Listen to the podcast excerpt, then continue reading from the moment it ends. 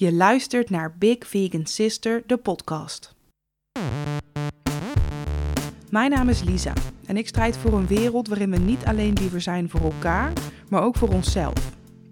Met deze podcast ben ik er voor iedereen die een positief verschil wil maken in deze wereld, maar geen idee heeft waar te beginnen.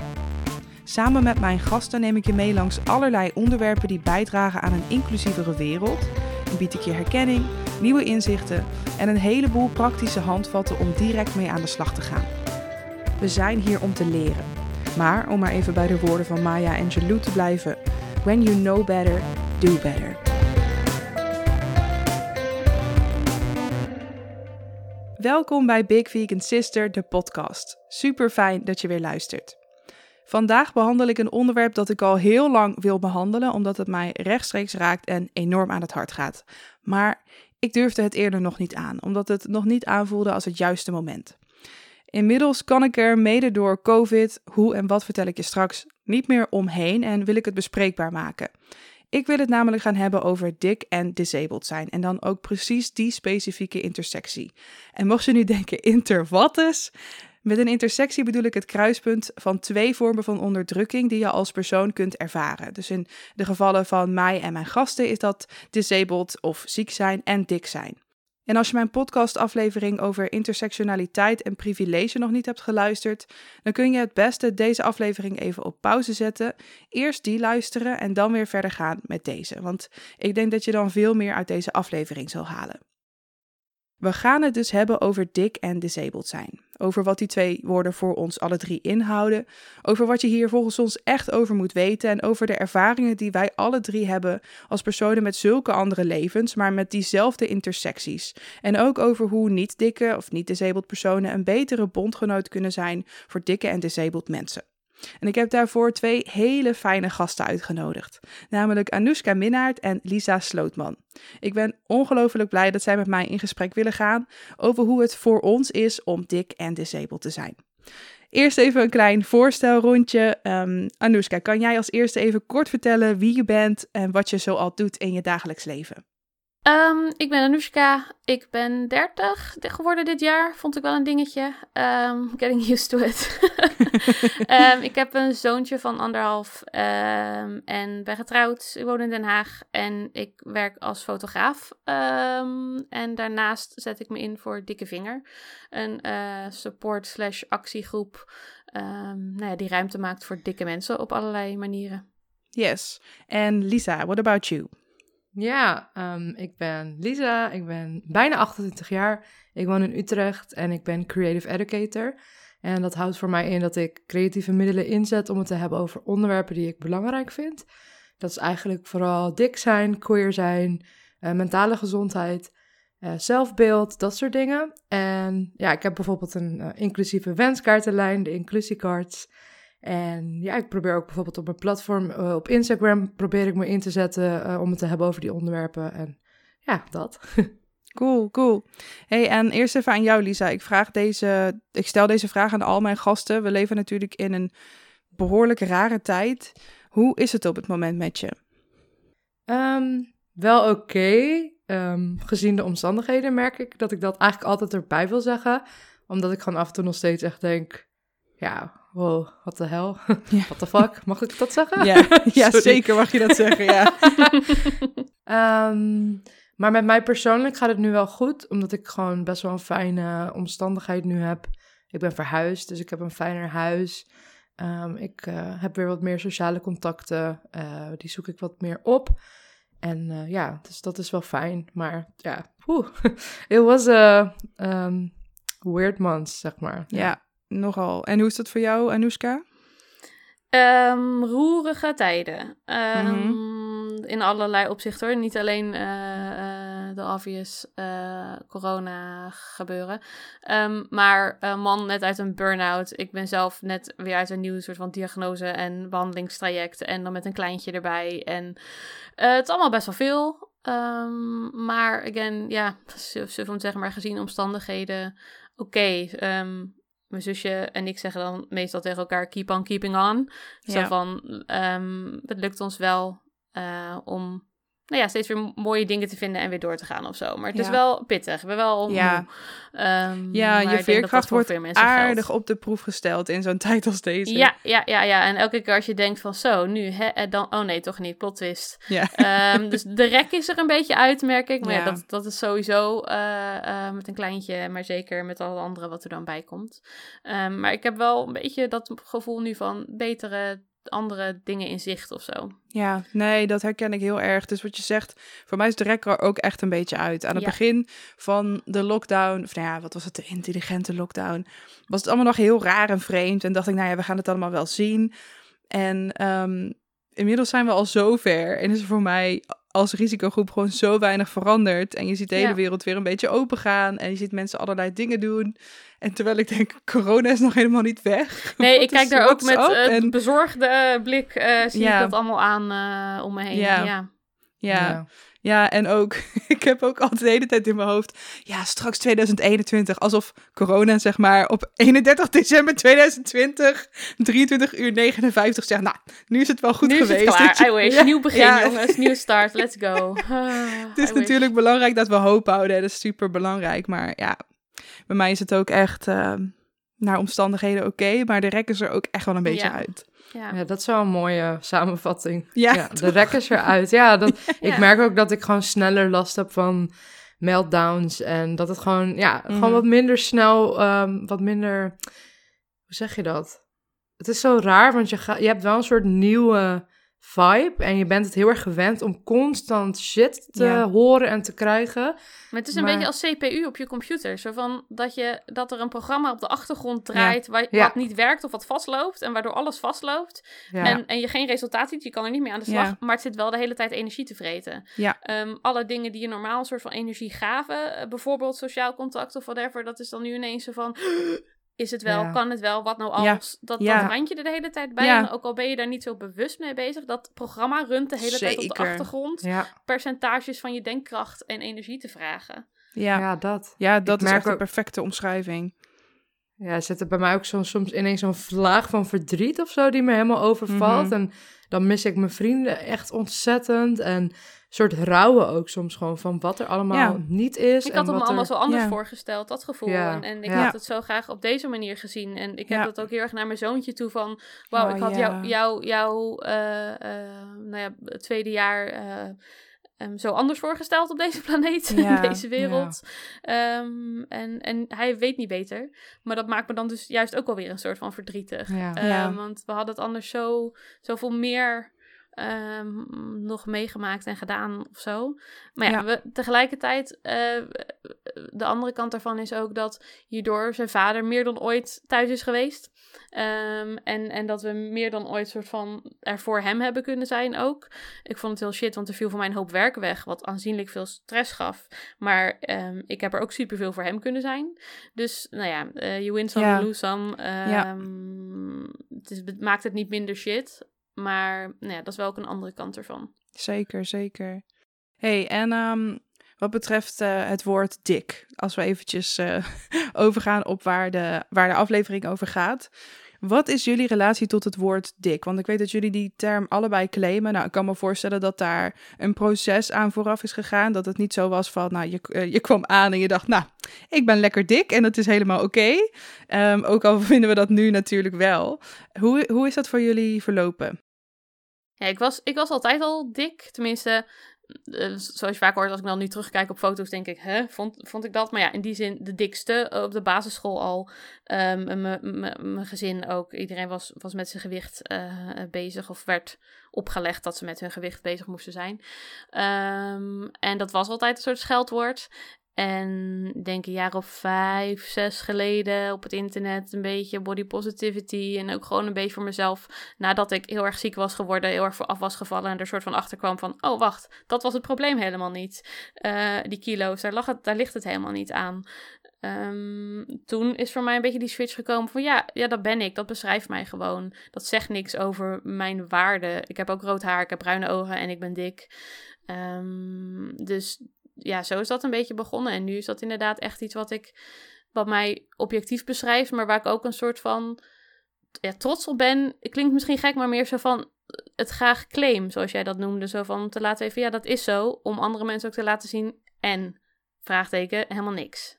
Ja, dat herken ik wel heel erg. Want voor mij was het echt, mijn hele leven lang was hetgene dat ik niet wilde zijn, was dik. Want dat kon natuurlijk echt niet. En dan was je lelijk en dan, dan zou je nooit iemand krijgen. En dan zou je leven heel, nou ja, whatever. Je leven zou sowieso natuurlijk pas echt beginnen als je echt dun zou zijn. Als ik nu terugkijk naar mezelf, hè, was ik op sommige momenten gewoon dun. Ja, En dat zag ik ook gewoon helemaal niet. Maar even los daarvan.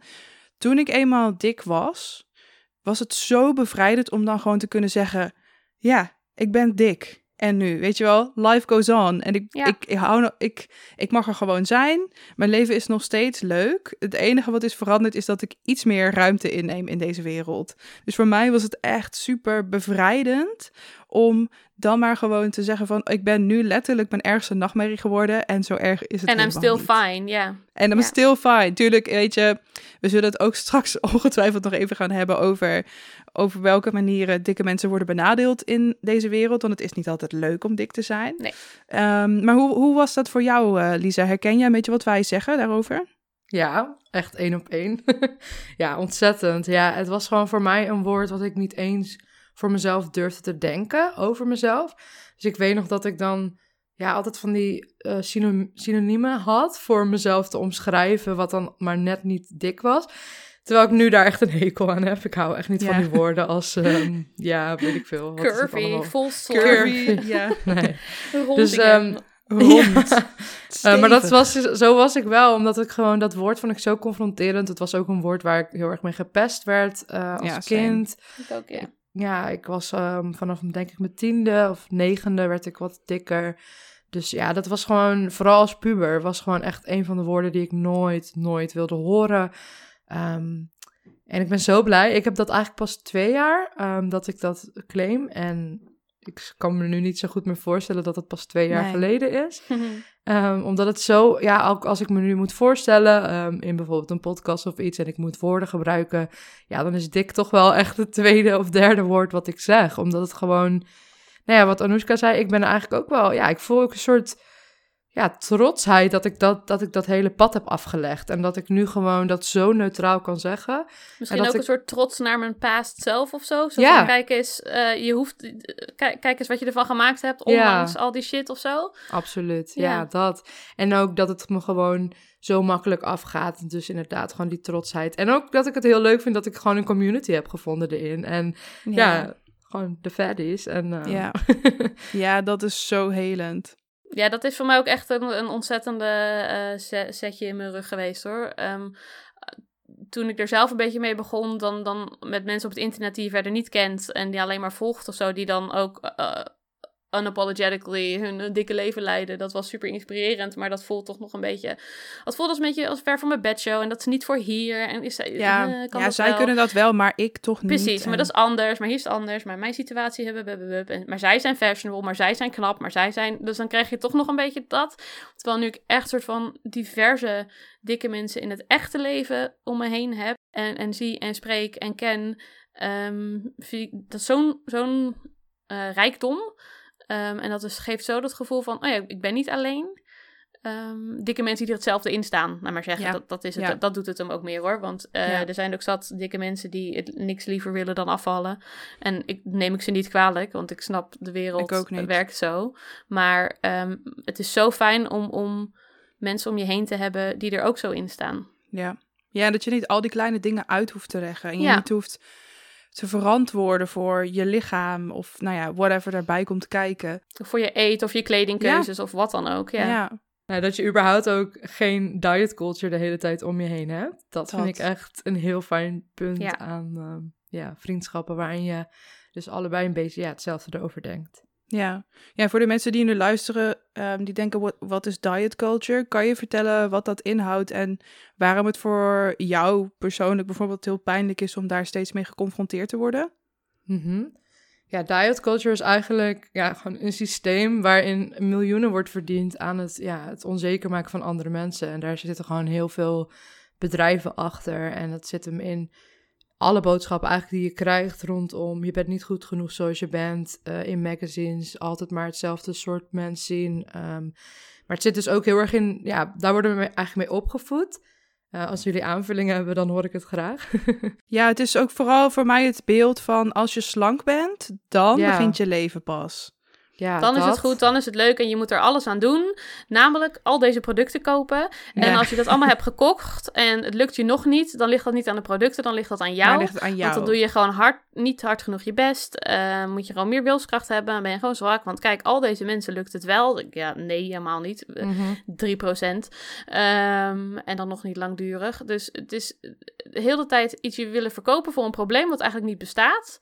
Maar je wel willen doen laten geloven dat het een Ja. probleem is. En als het dan niet werkt, dan te zeggen: nee, maar dan ben jij het probleem, niet ons product. Ja. Eh, en dan zeggen: oh, maar wacht eens even, er is nog een product. We hebben nu iets nieuws. Dat werkt nog beter. Ja. Zodat je een soort van blijf, bezig blijft.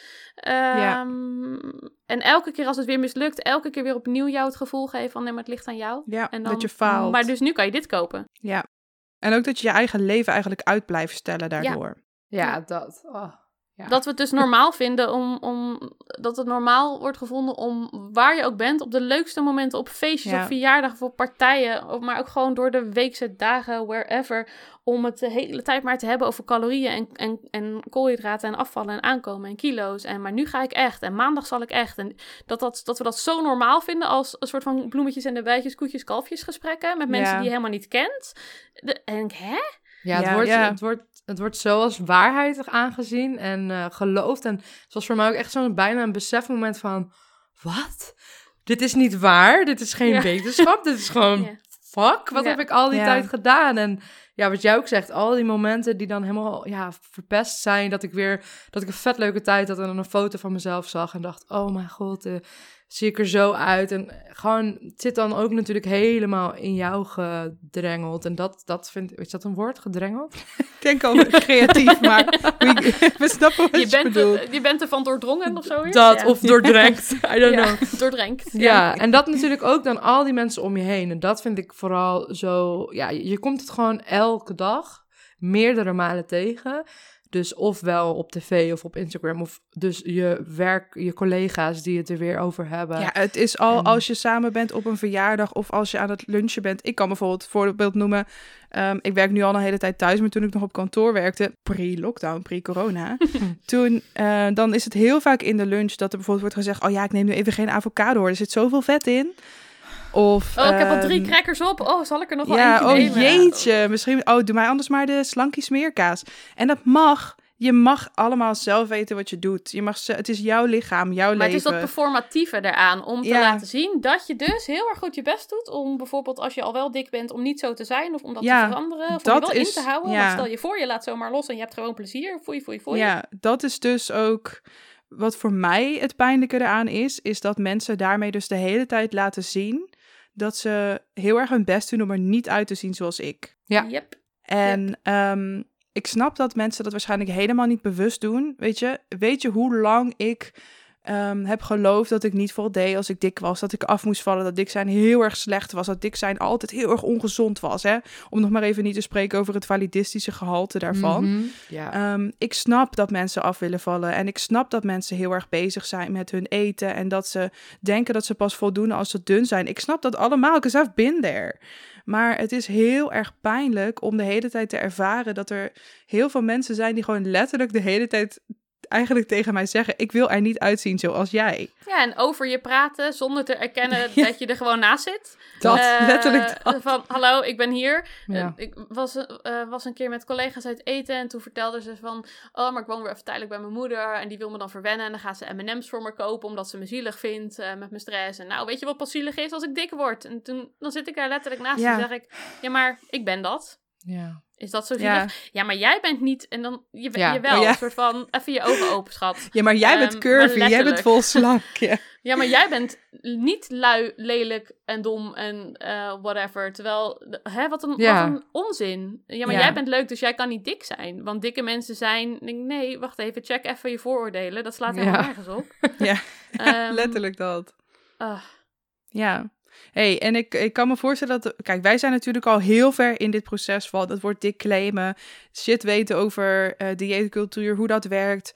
Um, ik kan me voorstellen dat we voor sommige mensen die nu luisteren... een paar stapjes over hebben geslagen, omdat Absoluut. ze denken... Omdat ze denken...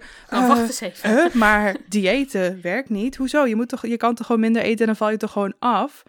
Um, kan een van jullie misschien iets meer uitleggen over de misvattingen rondom diëten en dik zijn? Oké, okay.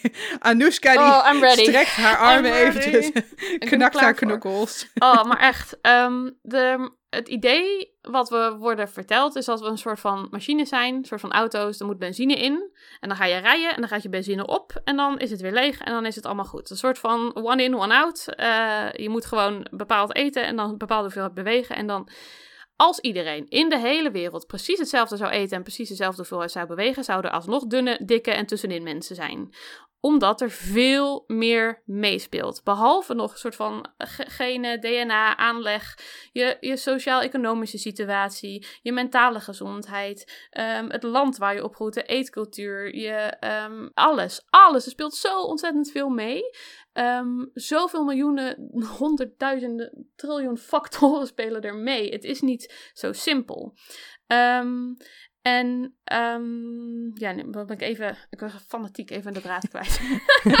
het is niet zo simpel. Heel veel factoren um, die meespelen. Heel veel factoren die meespelen. En um, het hele idee van als je maar weinig genoeg eet, dan ben je dun, is gewoon niet waar. Want waarom zijn er dan dikke mensen? Waarom zijn er dan steeds nieuwe diëten? Waarom laten alle statistieken zien dat alle mensen die diëten Um, ehm, 95% daarvan is om uh, binnen vijf jaar op hetzelfde gewicht of zwaarder. En ja, dan heb je misschien optimistisch gezien 5%, minder optimistisch gezien 4, 3% van de mensen die het lukt om langer dan 5 jaar ja. op een lager gewicht te blijven.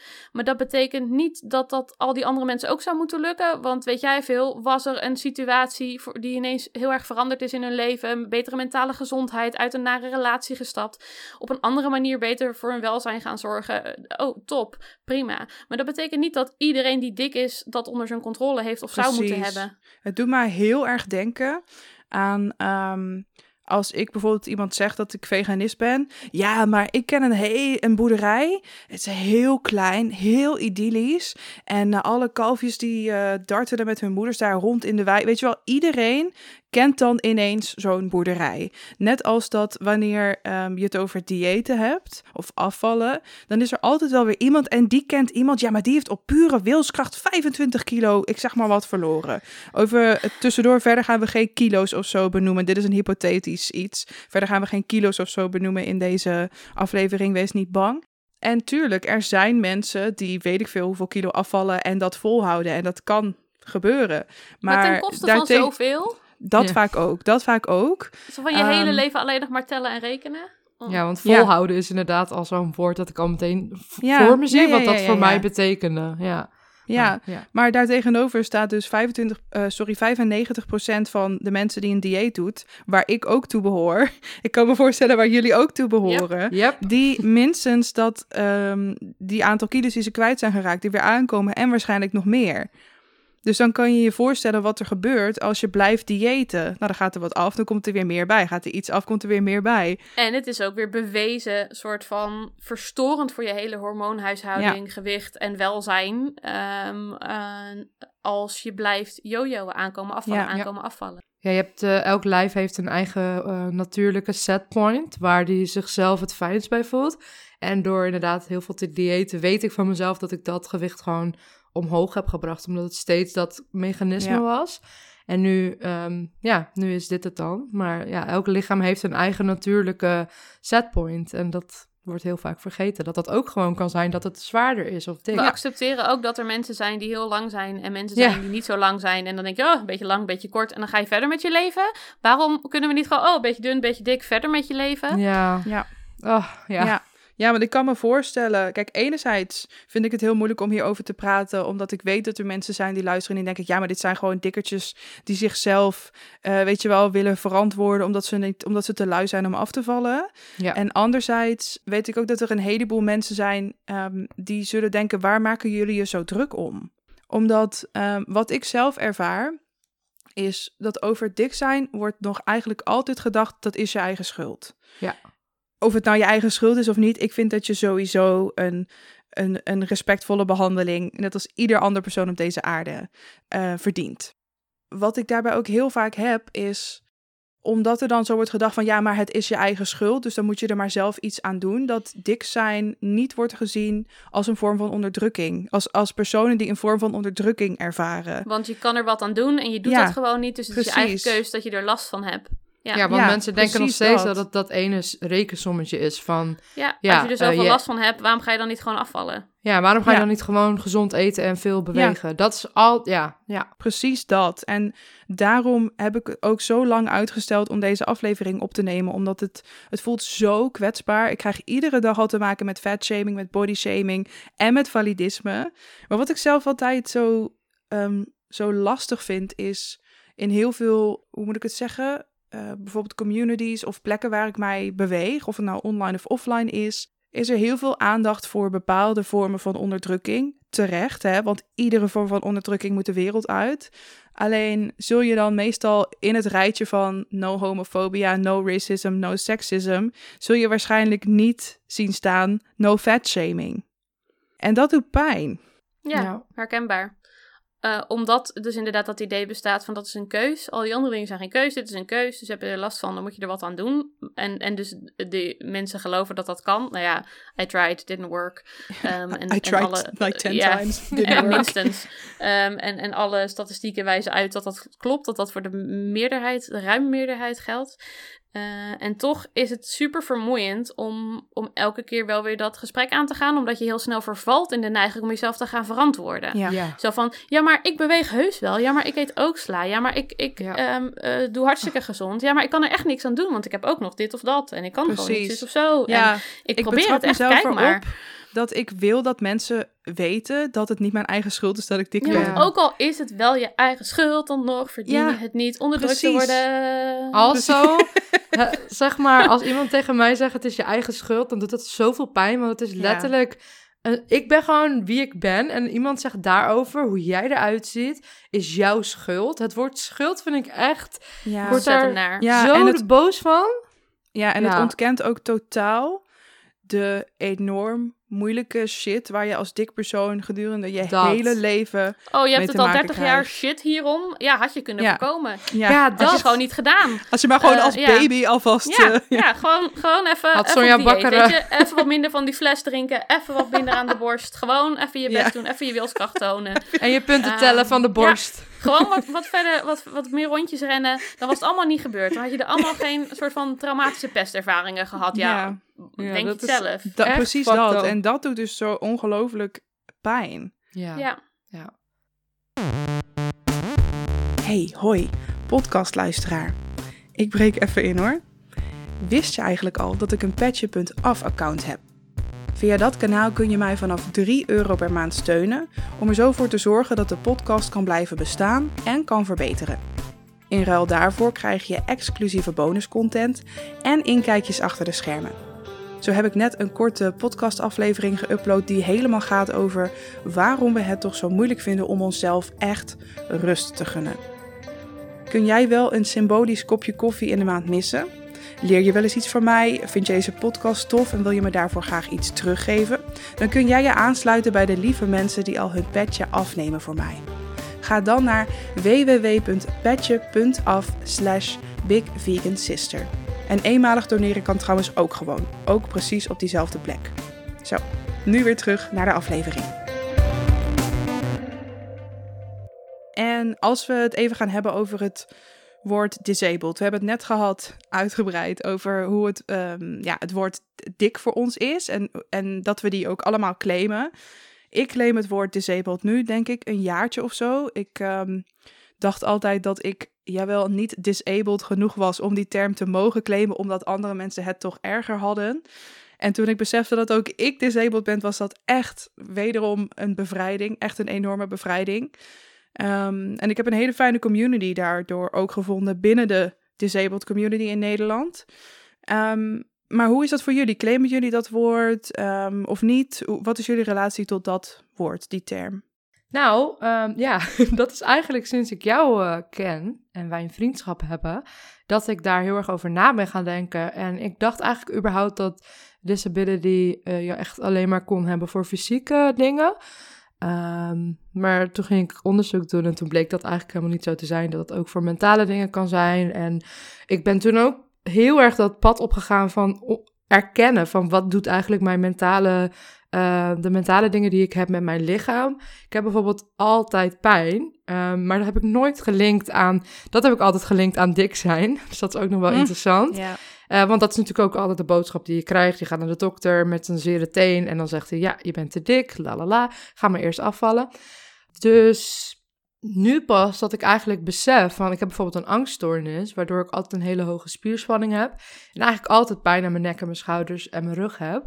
En dat is zo'n soort pad wat ik aan het bewandelen ben nu. Van oké, dat heeft allemaal met elkaar te maken. En dat woord, wat doet dat met me? En ja, eigenlijk ben ik dat nu pas sinds een paar maanden ook uh, ja, aan het gebruiken. Maar ik vond het zo grappig dat jij, of grappig niet, maar ironisch of zo, dat jij zei van ik voelde me niet disabled genoeg. Want dat is precies wat ik dus ook heb. Maar ook, dat zijn met al die intersecties die ik bijvoorbeeld ervaar. Ik had altijd het gevoel dat ik niet, ik ben bijvoorbeeld queer, niet queer genoeg, weet je wel, niet non-binair genoeg, terwijl dat helemaal niet bestaat. Um, dus dat is volgens mij wel een interessant iets, dat dat zo binnen die intersecties altijd maar, ja, dat je dat gevoel hebt van, ja, maar anderen hebben het erger, ja, maar dit, ja, maar dat. Um, dus dat vond ik wel, ja, daar, dat vind ik interessant. En ja, eigenlijk is pas een paar maanden dat ik dat claim en uh, dat ik Nee, ja, ik, ik, ik merk dat dat woord ook claimen, dat dat ja, heel veel doet voor mezelf meer erkennen en erkennen waar ik mee worstel. Ja, dat is ook wat ik, wat ik zelf heel erg herken daaraan. Ja. Um, voor de mensen die nu luisteren en die denken, wat de fuck is disabled? Disabled is iedereen die um, eigenlijk op een of andere manier wordt beperkt door iets om zijn, haar of hun leven te kunnen leiden. En dat kan dus een fysieke beperking zijn. Um, ik hou niet zo van het woord beperking, maar om het even duidelijk te maken. Maar het kan ook bijvoorbeeld zijn dat je een depressie hebt, dat je ADD hebt of ADHD, of dat je autistisch bent. Of nee, het kan echt van alles zijn. Um, hoe is dat voor jou, uh, Anoushka? Het woord disabled. Ik ben daar nog heel erg nieuw mee. Echt soort van. Mhm. Ehm, toen je me voor het eerst vroeg over deze aflevering, over deze aflevering, dacht ik, uh, dat past niet bij mij. En inmiddels, mm, oké, oh, wacht, ik zie dat ook wel anders. Um, want precies hetzelfde. Ja, maar ik heb, ik kan toch gewoon uh, ik kan gewoon bij van lopen. Ik heb geen rolstoel nodig, dus dat is niet. Dat was heel erg mijn beeld daarbij. Zo van, maar ik kan mhm. toch gewoon, als ik maar hard genoeg mijn best doe, dan heb ik helemaal geen last van de dingen waar, die ik heb. Terwijl 30 jaar later van je best doen, uh, verder uh, eh, 98 keer ingestort. Oh, wacht, dit is misschien niet helemaal de manier. misschien is het tijd om er meer rekening mee te gaan houden en meer te accepteren en niet te negeren. Want dat was een beetje mijn manier. Ja. Um, ja. Ook omdat ik dus steeds merk van, eh, ook op die manier is de rek er een beetje uit, weet je. Als je, hmm. als je uh, twintig bent en uh, je bent jong en je hebt energie uh, meer dan, dan als je dertig bent of veertig of vijftig, et cetera. Dat is gewoon wel een beetje ook hoe het leven vaak werkt. Um, toen, de, toen, toen werkte mijn coping van overcompenseren. Die hield ik een soort van vol, ook helemaal niet hoor, bij nader inzien, maar beter dan nu. Um, en ik merk gewoon steeds meer van, ja, maar dat, dat, dat hou ik niet vol, dat werkt niet. Dus, dus er is iets waar ik rekening mee moet gaan houden en wil houden. En ook wil erkennen voor mezelf. Van, ik kan niet, niet van mezelf blijven verwachten dat ik functioneer als iemand met volle batterijen. Als mijn batterijen nooit vol zullen kunnen zijn. Um, ja. Dat dat ook gewoon niet eerlijk is. Maar ik nog steeds vind ik het een moeilijk woord. Ik ben nog eerlijk aan het zeggen, ja, maar ik ben, ik ben gewoon chronisch ziek. En ik heb gewoon deze, al deze mentale dingen. Terwijl eigenlijk een soort van rekensommetje is... Uh, mm. Ja, precies. Ja, ja, disabled heeft natuurlijk ook heel erg te maken, dat leg ik ook uit in mijn boek. Um, in het Nederlands is er eigenlijk geen goed woord voor disabled. Um, disabled betekent dat um, we in een maatschappij leven die ons disabled. In principe heeft niemand echt een beperking. Stel, ik zal dat even illustreren. Stel, iemand um, gemaakt gebruik van een rolstoel en die moet een stoep op. Maar die stoep die heeft geen helling, maar die is gewoon een, uh, een uh, stoep. Ja, ik laat het hier nu met mijn handen zien, kunnen jullie echt niet zien. Maar dan moet je maar even indenken. Gewoon de hoek van 90 graden, geen Precies, helling. Dank u ja. wel, dank u wel voor deze theoretische onderbouwing. Um, is dat dan het probleem sorry, is dat dan de schuld van degene die in de rolstoel zit, of is dat de schuld van de ontoegankelijke maatschappij? En dat vind ik zo belangrijk. Um, daarom gebruik ik zelf graag het woord disabled en niet beperking. Want dat legt het heel erg neer bij de persoon zelf. En alsof het aan die persoon zelf is om maar je best te doen. Om dan maar wel weer binnen het systeem te passen. Um, ja, ehm, dat heb ik soort van 30 jaar uh, ja, te ja, proberen uh, te vergeven. Ja. hier. Geïnternaliseerd. ja, yep. precies. Geïnternaliseerd validisme is dat echt. En um, we proberen dan een soort van solidair te zijn met andere mensen die dus beperking hebben of disabled zijn, door te zeggen: ja, maar ik heb het niet zo erg als zij. Terwijl dat onszelf helemaal geen goed doet, maar eigenlijk ook best wel schadelijk is. Überhaupt een schadelijk narratief, want daarmee zeg je dus, ja, die anderen hebben dus blijkbaar minder kwaliteit van leven dan ik. Wie zegt dat jij dat kan bepalen? Het veld ook een ja, oordeel. Zeker. En ja. um, het zorgt ook voor een soort van gatekeeperschap, een soort van poortwachterschap van wie is er disabled genoeg om zichzelf disabled te mogen noemen. Terwijl um, ik heb dat poortwachterschap eigenlijk alleen maar mezelf voorgehouden hoor. Het is niet zo dat ik dat bij andere mensen die de term claimen ooit gemerkt heb. Ik ben juist echt in een warm bad gekomen, hier, in ieder geval hier in de disabled community in Nederland. Um, maar het is, het doet jezelf uh, geen goed, maar het is ook helemaal niet um, helpend voor de hele community en voor het beeld van wat mensen hebben over disabled mensen. Ja, nee, absoluut. Zeker ik, ik merk dat het voor mij, um, dat, dat, als we het over die intersectie hebben tussen soort van ziek, disability, uh, dik, um, want dat voor mij een soort extra laag heeft omdat ik diabetes heb. Um, type 1, even crash course, type 1 is een auto-immuunziekte die in principe losstaat van je gewicht. type 2 is wat vaker, ook niet altijd, maar vaker uh, te maken met genen, gewicht en of leeftijd. Um, en, um, maar ja, de meeste mensen, uh, eh, 90% van de mensen heeft type 2. Dus die laatste. Die, waar je in de media over hoort in relatie tot uh, aanhalingstekens de obesitas-epidemie. Waarvoor wij altijd onderwerp. Gewaars, gewaarschuwd Altijd een gevaar. En oh nee, ah. als je te veel chips eet, dan krijg je diabetes. Die hele super schadelijke uh, dialoog. Want er speelt veel meer mee. Maar ja, ik heb dat dus helemaal niet op die manier. Ik heb de auto-immuunziekte.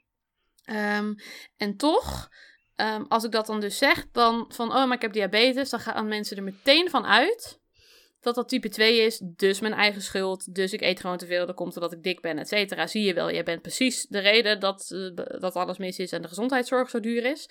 Um, oh, dat is zo, dus dan kan je 98 andere afleveringen over opnemen, ja. hoe problematisch dat is. Maar ja, um, dat daardoor schiet ik dan nog meer in de. Ja, maar ik heb dat niet hoor. Uh, ja. voor mij is het anders. Ten koste van andere mensen. Uh, die wel misschien type 2 hebben, om wat voor reden dan ook. Um, dus dat helpt eigenlijk helemaal niemand. Maar je wil ook heel graag een soort van laten zien van ja, maar het is niet mijn eigen schuld. Ja, ja heel herkenbaar. Um, en, en ik kan dat wel een soort van, het is voor mij anders. Terwijl, ja, maar ook al was het wel mijn eigen schuld, dan nog heb je me met respect te behandelen, dan nog heb ik recht op gezondheidszorg. Um, maar dat vind ik dus een hele complexe intersectie met dat dik zijn. Omdat ook al heeft het niet met elkaar te maken, mijn diabetes en, en mijn dik zijn, um, is er zo'n verhaal in de media en in de wereld waar, waar dat soort van, ja, maar als je dik bent, ja, dan krijg je dat. En het dus wordt wel voor jou bepaald dus dat het met elkaar te maken heeft. Ja. Um, wordt dat zo gelinkt dat ik dat, dat ik dat dat ook eigenlijk mijn, mijn chronisch ziek zijn acceptatie in de weg staat. Um, dat ik het heel anders ervaar, zou ervaren, denk ik, als ik dun was en diabetes type 1 had. Dat ben ik een poosje geweest, heel dun, omdat ik dus zo ziek was en omdat ik verkeerd gediagnosticeerd werd, omdat ze dachten, oh, je bent dik, het is type 2, hier heb je de medicijnen. Uh, ah, ja, uh, inderdaad. Op het randje, oh uh, op het randje geweest. Oh. Um, en zo schadelijk. Dus dat je daar dan, dat je dat ook zo met je meeneemt, is zo schadelijk. En dat maakt het, vind ik het ook dus lastig voor mij om community te vinden. Want veel mensen met type 1 zijn dun. En denk ja, maar jullie zijn dan op een andere manier weer met dingen bezig. Het is een complexe intersectie, uh, als ik dat een beetje duidelijk heb weten te maken. Ja, zo, ja dat absoluut. Samenhangt, absoluut. maar dus ook niet samenhangt eigenlijk met elkaar. Um, ja. Nee, wat je zegt, ik, ik ik zit gewoon te luisteren, omdat het, ik kan het, het is zo herkenbaar dan op een totaal andere manier. Maar wel die intersecties, hoe dus dat dik zijn en een iets, uh, nou, ik heb bijvoorbeeld eetstoornis gehad. Um, en iedereen ging er altijd maar vanuit dat, nou, dat ze me zagen dat ik dus de BED heb, dus de binge eating disorder. En ik herken heel erg wat jij zegt. Van aan de ene kant wilde ik dan zeggen: nee, dat is niet zo. Terwijl dat is net zo erg. Weet je wel, ik bedoel, dat is net zo'n grote worsteling als de eetstoornissen die ik heb gehad. Maar ik wilde gewoon altijd dan ook uitleggen: van ja, maar het is niet zo simpel dat als iemand dik is en een eetstoornis heeft, die heeft niet altijd dat. En nou ja, ik vind het zo. Terwijl je wil dus ook niet tegelijkertijd daarover. Um, ja, hoe zeg je dat nou? Ik kom niet zo goed uit mijn woorden. Je wil andere mensen niet haha, afvallen. Ja, daarin. Ja, ja. Ja, Want, dat, want door, dat, door jezelf een soort van te verdedigen op die manier, ook al bedoel je dat niet zo, is dat niet je intentie. Ja, je gooit andere mensen eigenlijk aan de bus. Precies, voor, voor de bus. Maar die zijn anders en ik daarentegen, ja, voor ja, mij... heel herkenbaar. Terwijl, eigenlijk doet het er niet toe op die manier. Nee, maar ehm, kan je nagaan maar hoe... Ook wel hoe diep die shit dan zit. Ik weet zeker dat er mensen zijn die nu luisteren en denken: Oh, ik herken dit. Kan je nagaan hoe diep dat geïnternaliseerde validisme zit? Dus die ideeën over, ja, over je ziekte of je, je disability die je je eigen hebt gemaakt. Maar ook die geïnternaliseerde vethaat eigenlijk. Want dat is eigenlijk wat het is. Want we, worden, we groeien op met het idee, dik is heel slecht, dik is ongezond, dik is voor luie mensen. En als je al die ideeën eigen maakt en vervolgens in een systeem terechtkomt waar je zowel voor jezelf op moet komen als dus voor anderen op wil komen, het is zo'n moeilijke balans om in te verkeren. Omdat dat je vind ik ook het vermoeiende aan, aan dit soort, soort van gesprekken slash activisme... wat ik zo belangrijk vind en zo graag doe... en de hele tijd alleen maar mee bezig wil zijn... maar ook aan kapot gaat als ik daar de hele tijd alleen maar mee bezig ben. Ja. Want het gaat de hele tijd over jezelf. Ja, ja. ja. En, je, en, je, en je, ja, je hebt gewoon constant te maken met de maatschappij... die vol zit met vethaat en... Ja. Ja, en ook vooroordelen over disabilities, over chronische ziektes. En want wat Anoushka net zegt over die types 1 en 2, dat mensen daar aannames over hebben. Dat, ja, dat is natuurlijk met eetstoornissen zo. En ja, er zit zoveel met onbegrip. Met mentale ja. gezondheid zo, dat mensen denken van, oh, oh, depressief, maar je bent altijd zo gezellig. Ja, ja. Oh. Soort, weet je, angst, maar jij, jij bent toch pas nog dit gaan doen? Ja, um, ADHD, maar goed. jij doet toch gewoon zus of zo? En ja, nou dat, oh. gisteren of... Don't even um, ah, get ja, started. Even get you started. Ja, ik snap het. Ja, echt. Ik heb letterlijk gewoon een vriendschap laten doodbloeden, omdat diegene tegen mij zei, ja, misschien moet je niet zoveel op Instagram zetten, want het geeft nogal een vertekend beeld omdat ik dan, als ik actief ben op Instagram, dan kan ik volgens diegene ook dingen in het in offline leven doen. Like, ja, ik vind okay. dat super ingewikkeld, want ik herken oh. heel erg die gesprekken met vriendinnen van ja, maar als je dan, je zegt dat je dan zo te depressief was uh, om uh, naar mij toe te komen in Amsterdam, uh, maar ik, zal, ik zie wel online andere leuke dingen doen met andere mensen. Ja. Ik, maar dat zegt niks over jou, die mensen wonen om de nee, hoek. Dat of helemaal die, niks. Op, die, die, hoef ik niet voor anderhalf uur in de trein of whatever de reden, die hoef ik jou niet te verklaren. Ja, dat, nee, ehm, dat. gaat jou niks aan en het is maar, mijn online aanwezigheid is maar een fractie, daar hoef ik niet een soort van... Maar ook je wilt toch gewoon dat je vrienden uh, op dat moment kiezen wat voor hun het beste is. Ja, en of dat, nou, ja. of je je daar nou rot of niet over voelt, dat moet je gewoon niet op de ander projecteren, want je weet niks. Dat. Eén ding wat mijn uh, chronisch ziek zijn mij heeft geleerd, is dat ik mijn echte vrienden heb leren kennen. En ik heb ook, ik ben een heleboel mensen kwijtgeraakt, maar ik heb een heleboel nieuwe mensen leren kennen die gewoon echt werkelijk waar fantastisch zijn. Dus dat, dat is, um, ondanks uh, de moeilijkheden, ja, is dat wel een mooie uitkomst geweest. Hé, hey, maar um, om even door te gaan over die vooroordelen die je als dik persoon binnen de medische wereld ervaart. Ik zal eventjes, um, nu we 55 minuten in zijn, zal ik eventjes uh, vertellen waarom ik deze aflevering graag op wilde nemen. Want ik ben dus chronisch ziek en daarbij dik. En dat gaat helemaal hand in hand met elkaar. We hebben dat al heel uitgebreid besproken. Het is een soort vicieuze cirkel waarin ik dus niet alleen andermans vooroordelen, maar ook die van mezelf tegenkom. In de vorm van geïnternaliseerd validisme, geïnternaliseerde vethaat. En ik, um, we praten hier nu heel open over, um, maar ik moet je echt eerlijk zeggen dat ik dat super spannend vind. Juist omdat ziek zijn en dik zijn van die dingen zijn waar mensen heel snel hun mening over klaar hebben. En dat gaat niet alleen om willekeurige familieleden of mensen op straat of vrienden of wat dan ook. Dat gaat ook gewoon over medisch personeel.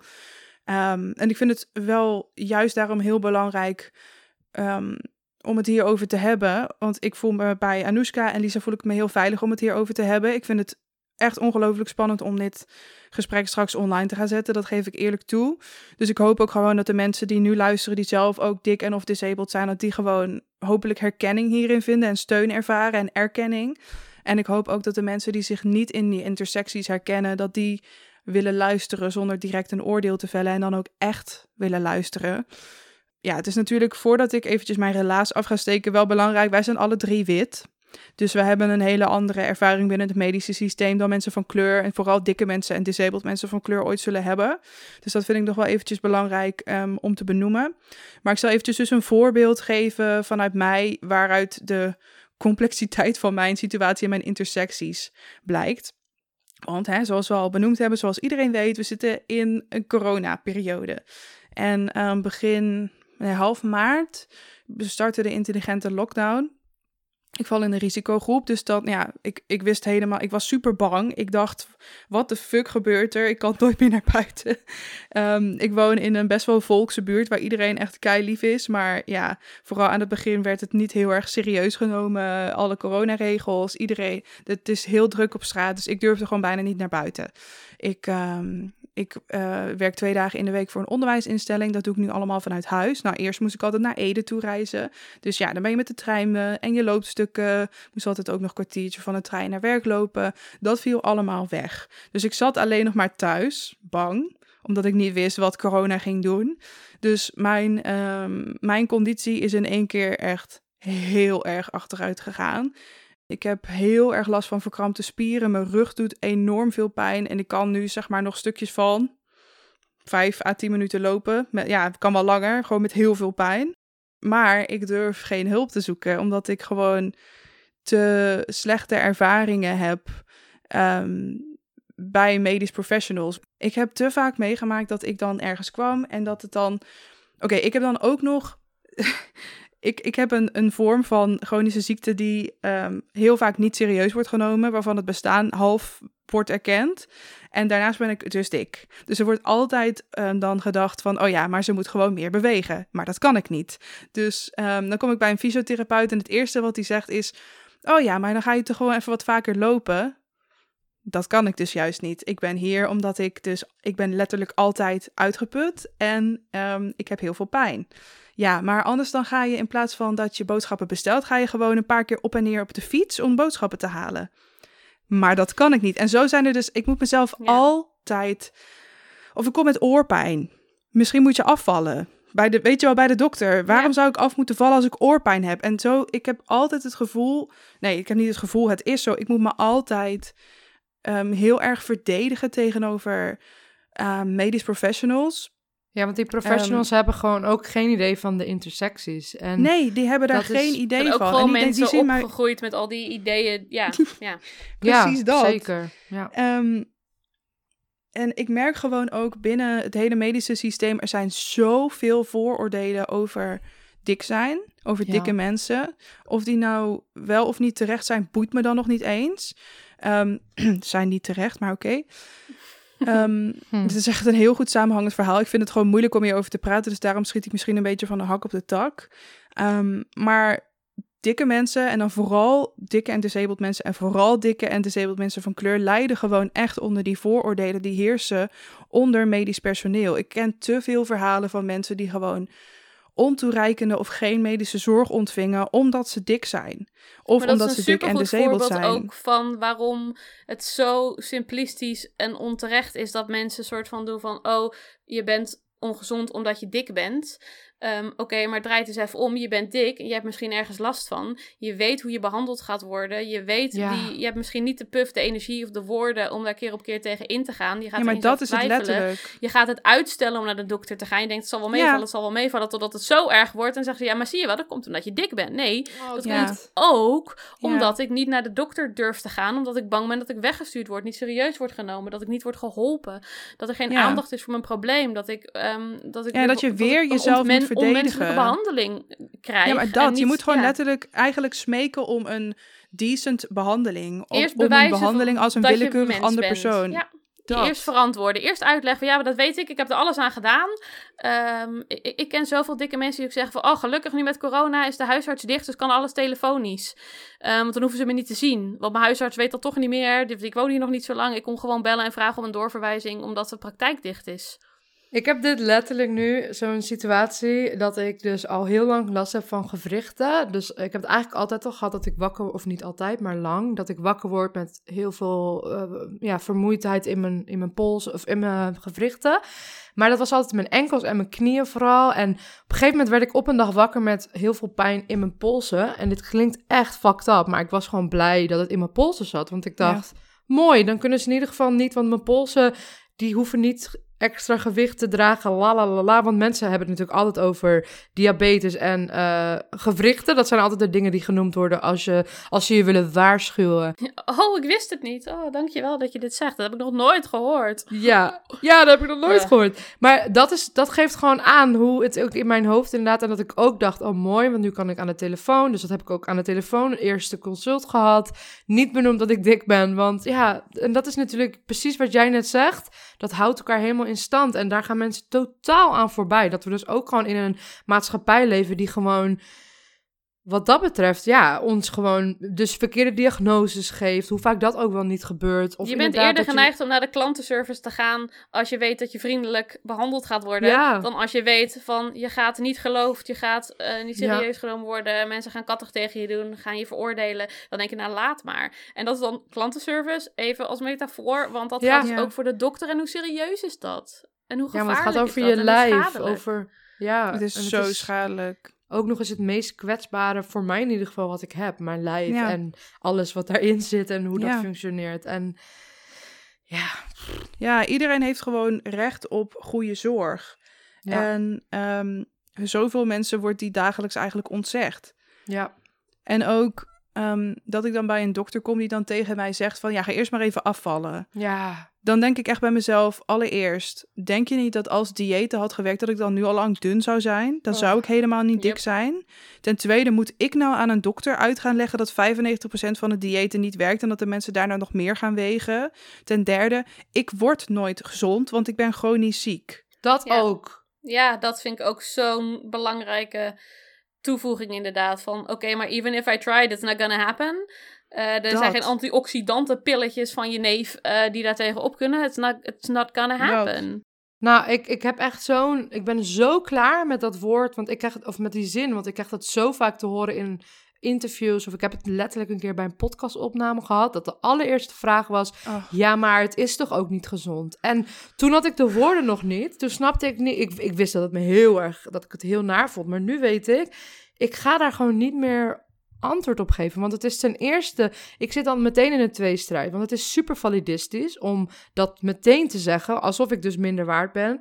Ehm, maar daarnaast, ik zit altijd in een tweestrijd. Want aan de ene kant wil ik dus roepen. Dit is fucking validistisch, ik ga je niet op in. En aan de andere kant is er altijd iets in mij die wil zeggen... Ja, maar, but I'm a good fatty, weet je wel? Eh, ja, Weer Ja. dat stukje van het is niet mijn schuld. Maar ik heb nu gewoon besloten... Nee, ik ga daar... Het is gewoon echt zo validistisch om daar altijd maar... Het is niet gezond.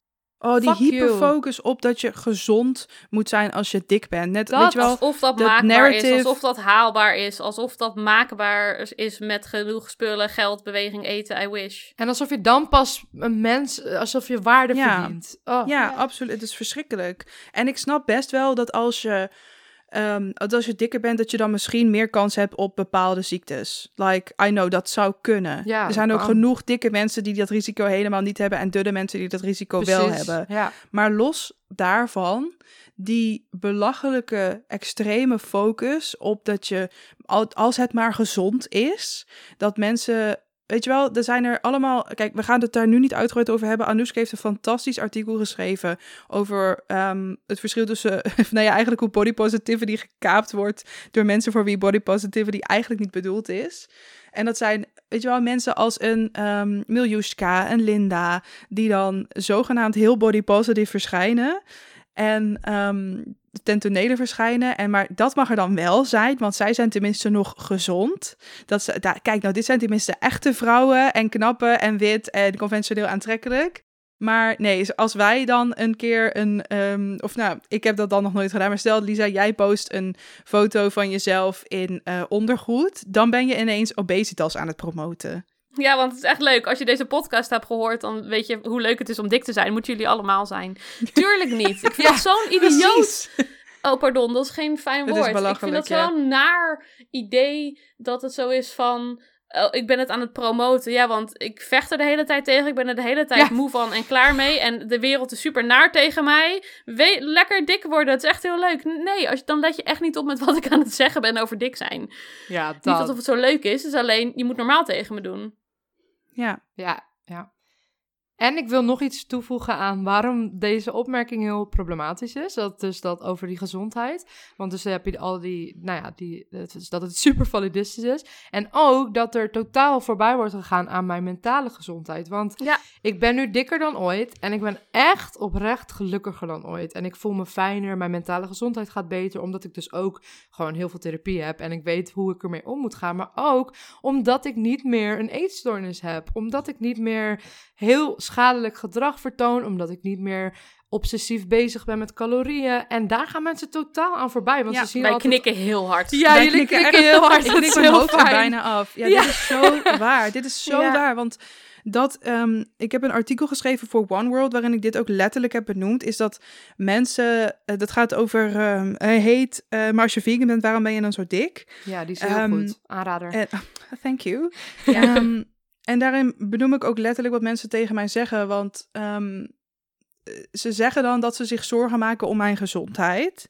Maar vervolgens bedoelen ze dus letterlijk alleen maar mijn lichamelijke gezondheid. Wat natuurlijk al nergens op slaat, want dat kunnen zij van de buitenkant helemaal niet zien. ja, Ten ook. tweede, I'm never gonna be healthy because I'm chronically ill.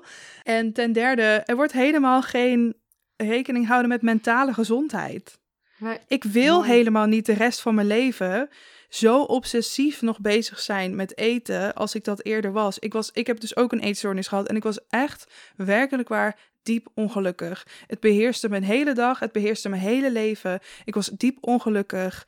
Eh, ik, ik zal niet te veel in detail treden. Dat kan je nou misschien het beste in mijn boek lezen. Want anders moet ik een dikke trigger warning hier nu gaan noemen. Maar mijn leven was echt compleet kut. En ik ben echt oprecht heel gelukkig nu. En dat is niet omdat ik dik ben, maar dat is ondanks dat ik dik ben. En dat is niet, ehm, daarmee bedoel ik niet dat ik niet van mezelf hou, want ik hou wel van mezelf en ik vind mijn lichaam prima zoals het is. Ehm, daar heb ik overigens fucking veel moeite voor moeten doen. Maar iedere dag nog wordt tegen mij gezegd dat mijn lichaam niet voldoet. Dat mijn lichaam lelijk is, dat mijn lichaam ongezond is, dat mijn Ja, lichaam want er zelfs niet dus als je op dat punt komt, dan blijft de wereld bezig met jou te overtuigen dat dat onterecht is en dat je niet op dat punt zou moeten zijn, want hoe how could Ja. you? Eh, dat is niet terecht, dat verdien jij niet. Daar heb je geen recht op, want je hebt niet aan al deze dingen voldaan. Ja.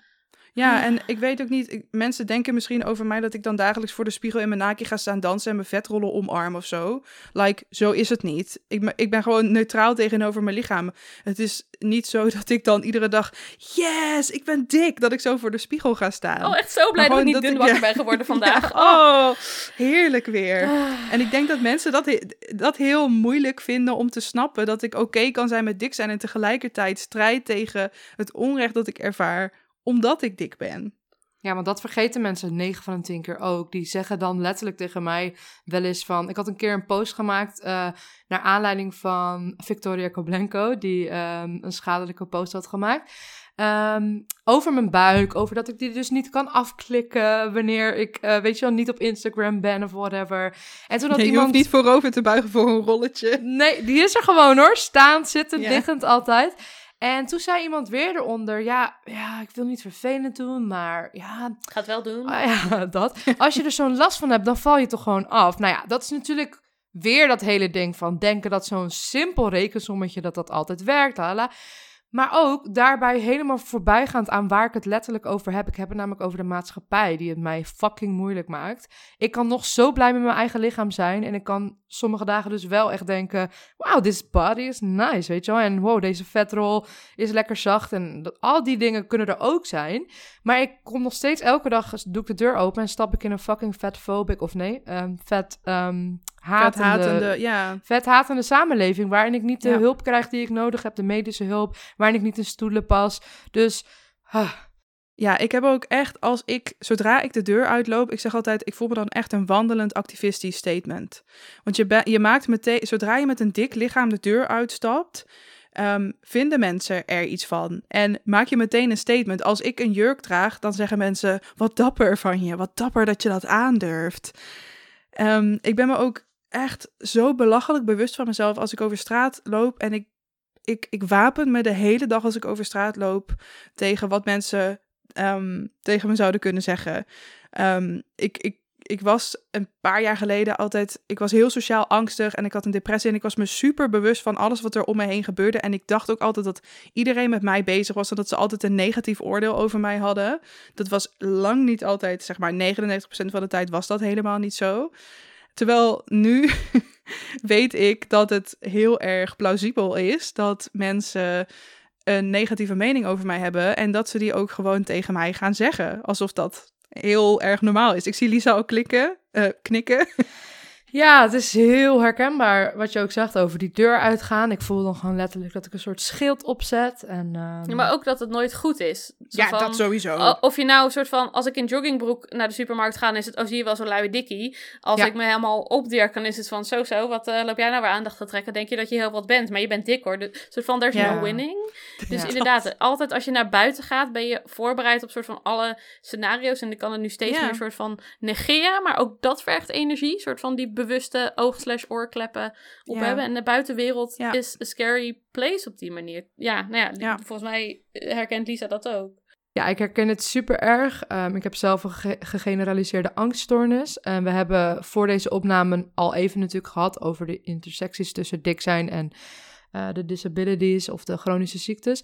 Uh, en toen dacht ik ineens, ja, dat is voor mij inderdaad echt. Um, ik, heb dus die diagnose, dus dat betekent dat ik gewoon voor heel veel dingen bang ben. Dat zit helemaal ja, in mijn dag. Maar ik heb ook bijvoorbeeld dus soms voor hele uh, dingen die ik echt heel eng vind. Of, die, spannende dingen die ik moet doen. En soms word ik gewoon wakker met een heel angstig gevoel. Zonder dat ik een idee heb waar dat voor is. Het voelt voor mij heel vaak alsof er elk moment iets heel ergs kan gebeuren. Um, en door dik te zijn en die wereld te betreden, um, ja, loop ik eigenlijk. Uh, hoe zeg je dat? Fuck, dit is zo. je loopt bijna een soort mijnenveld in. Want enerzijds zegt jouw hoofd al dingen tegen jou die er misschien niet dan zullen zijn, maar die waarschuwt jou wel voor gevaar. En aan de andere kant is er, als het ware, tussen airquotes gevaar. Ja, omdat je wel degelijk op straat lastiggevallen wordt als dik persoon. En omdat iedereen vindt dat je zomaar een mening over een dik persoon mag ventileren naar die persoon. Ja, inderdaad. Door dus die angststoornis heb ik ook echt moeten leren van sommige dingen die jouw hoofd zeggen, zijn gewoon echt niet waar, klopt niet. Maar door die intersectie van ook dik zijn, sommige dingen zijn wel waar. Sommige angsten zijn reëel. Dat mensen mij nakijken, dat mensen iets vinden als ik iets in het openbaar eet. Uh, de angsten dat ik niet in stoelen pas. Weet je, dat zijn. Ik kan dan niet tegen mijn hoofd zeggen hey, uh, zoals je geleerd hebt op therapie, klopt niet, klopt niet, klopt niet. Of, of weet je wel, is dat wel zo? Want het is wel eigenlijk zo. Dus daarin, ja, worstel ik soms heel erg. En is het voor mij gewoon, ja, kan het heel heftig zijn om de deur uit te gaan. Omdat ik ja, maar me moet wapenen. En ik voel me dan ook nog meer verstard dan als ik thuis ben. En... Ja, zo maakt het een, beïnvloedt het ander, maar maakt het ook een soort van erger en, en of ja, erger is misschien, maar wat zwaarder. Dat het nog meer energie kost, alsof het al niet uh, shit genoeg is. En, ja, um, zeker. Ja. Ik, ik herken ook heel erg hoe dat elkaar soort van beïnvloedt, dat, dat stukje, dat mentale, dat fysieke. Um, um, omdat, nou oké, ik ben dan, ben dan dik en daardoor al heel erg het gevoel dat ik er niet bij hoor. Uh, gehad mijn hele leven. Dat ik er niet, letterlijk niet pas in de wereld uh, en figuurlijk niet. Dat ik anders ben. Um, gooi dan daar een chronische ziekte bovenop, uh, diabetes.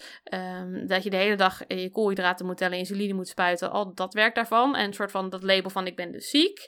Um, gooi daar dan nog eens bovenop uh, depressies, uh, eh, ADHD, um, ehm, uh, wat ook weer versterkt dat gevoel van ik hoor er niet bij. Dus zo hangt het allemaal met elkaar samen. En door die hele vreemde focus op dat, alleen maar dat fysieke, zo van ja maar vitamines en ja maar kilo's en ja maar, ga je daar compleet aan voorbij. Terwijl juist dat mentale zo ontzettend uh, meetelt. En, ja, en, en, minstens en daar rekening gehouden mee zou moeten worden. Ja. Um, ja. Omdat dat het het, wat toch al dus al van intersectie, die toch al een soort van als vervelend ervaart door hoe de wereld in elkaar zit, dat dat een soort van gewoon de volumeknop wordt daarvan gewoon nog even wat opgedraaid door die andere dingen, omdat dat allemaal met elkaar samenhangt. En als ik dan ergens ben en ik voel me niet soort van, ik voel me op mijn plek qua, qua dikheid misschien, dat ik daar helemaal niet mee bezig ben en me veilig voel, et cetera, dan ben ik nog wel altijd de persoon die, oh wacht, chips, uh, koolhydraten, insulinepomp, hoop dat het goed afloopt. Um, en als ik dat heb gedaan, of als er geen snacks zijn, of ik hoef me daar helemaal niet mee bezig te houden, of whatever, dan is er altijd nog dat, oeh, ben ik niet te luid en aanwezig? Uh, weet je, ben ik, ben, ik, ben ik te veel de H van mijn ADHD, of kan ik de H, moet ik die wat terugschroeven? Um, dus het is altijd, het, het, hangt zo met elkaar samen. Ja. En, en daar gaat de wereld zo ontzettend aan voorbij.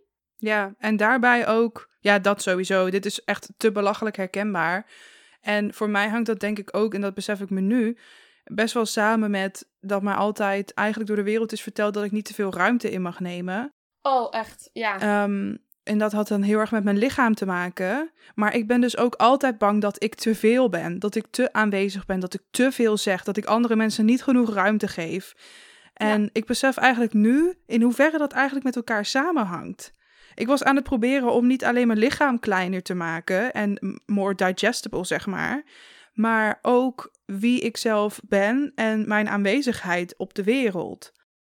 Ik zie Lisa heel erg enthousiast. ja, ik herken dit zo erg en ik vind het zo fijn hoeveel inzichten ik krijg. Want inderdaad, ehm, ja, als dik persoon had ik altijd, daar hadden we het net al heel even voor de opname over, dat ik dan altijd maar uh, grappig moest zijn. En dan oh, ik had allerlei dingen ontwikkeld die voor mij werkten, omdat ik, ik dacht altijd, ik ben ook al dik, dus ik moet dan wel de grapjas zijn. De, de, de leuke, goede vriend die altijd hele goede grappen maakt. En toen kreeg ik een depressie en toen kreeg ik uh, een angststoornis. En, of nee, die had ik al, maar er werd, werd, kreeg ik een diagnose voor.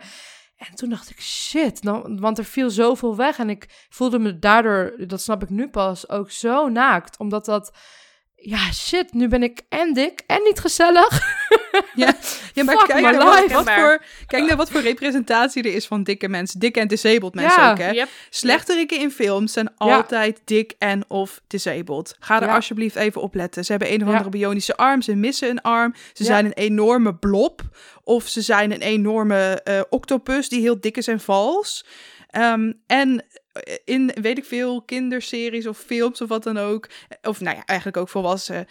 Heb je altijd de gezellige dikke vriend. Ja, maar seksloze, moederloze wops met humor. En verder ben je niet. En nooit de, uh, de object of affection. Nee. Uh, of, of uh, nooit de persoon met een binnenwereld überhaupt. Nooit de persoon met, die, die niet bezig is met afvallen. Ja. die gewoon zijn leven leidt. dat is zo, het is zeldzaam. Het is zo zeldzaam. Ja. Komt nu af en toe gelukkig hier en daar wat meer. Maar nog steeds veel te weinig. En ja. Dus dat, dat neem je ook gewoon mee. En dat is ook wat de wereld ziet van wat het beeld van de wereld vormt over hoe jij bent. Ja, want je leert gewoon inderdaad van... oké, zoals jij bent is niet goed genoeg. Dus ik ging dus dat compenseren doen. En ineens kon ik dat niet meer... omdat ik gewoon ja, super depressief was... of uh, whatever ik op dat moment had. En ja, dat, dat, dat was echt voor mij op dat moment... wat moet ik nou? Want...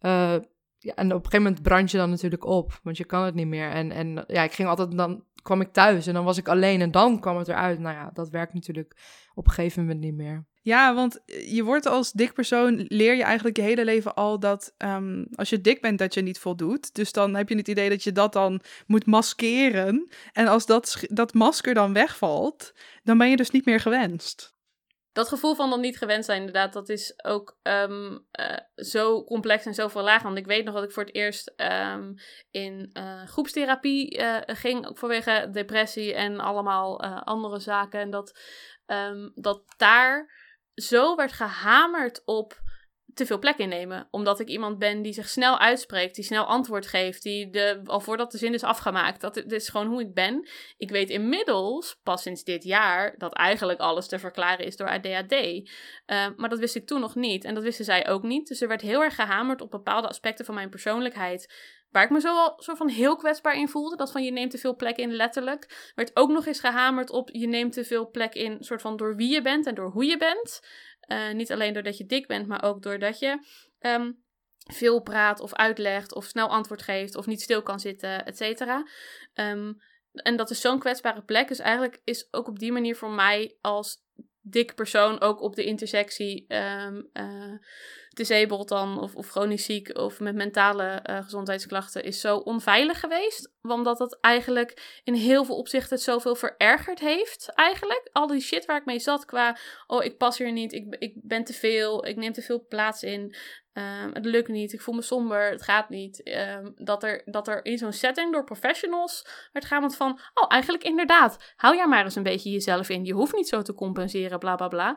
Terwijl ik nu inzie van, wacht eens even, dat is gewoon letterlijk mijn brain chemistry. Dat hoort bij mij ook op een fijne manier. Dat maakt mij ook wie ik ben. Dat maakt ook dat mensen mij leuk vinden. Dat maakt andere dingen van mij. Dat, is, dat hoort gewoon bij mij. Dat is niet iets waar ik kunstmatig me voor moet gaan inzitten houden om dat nou eenmaal.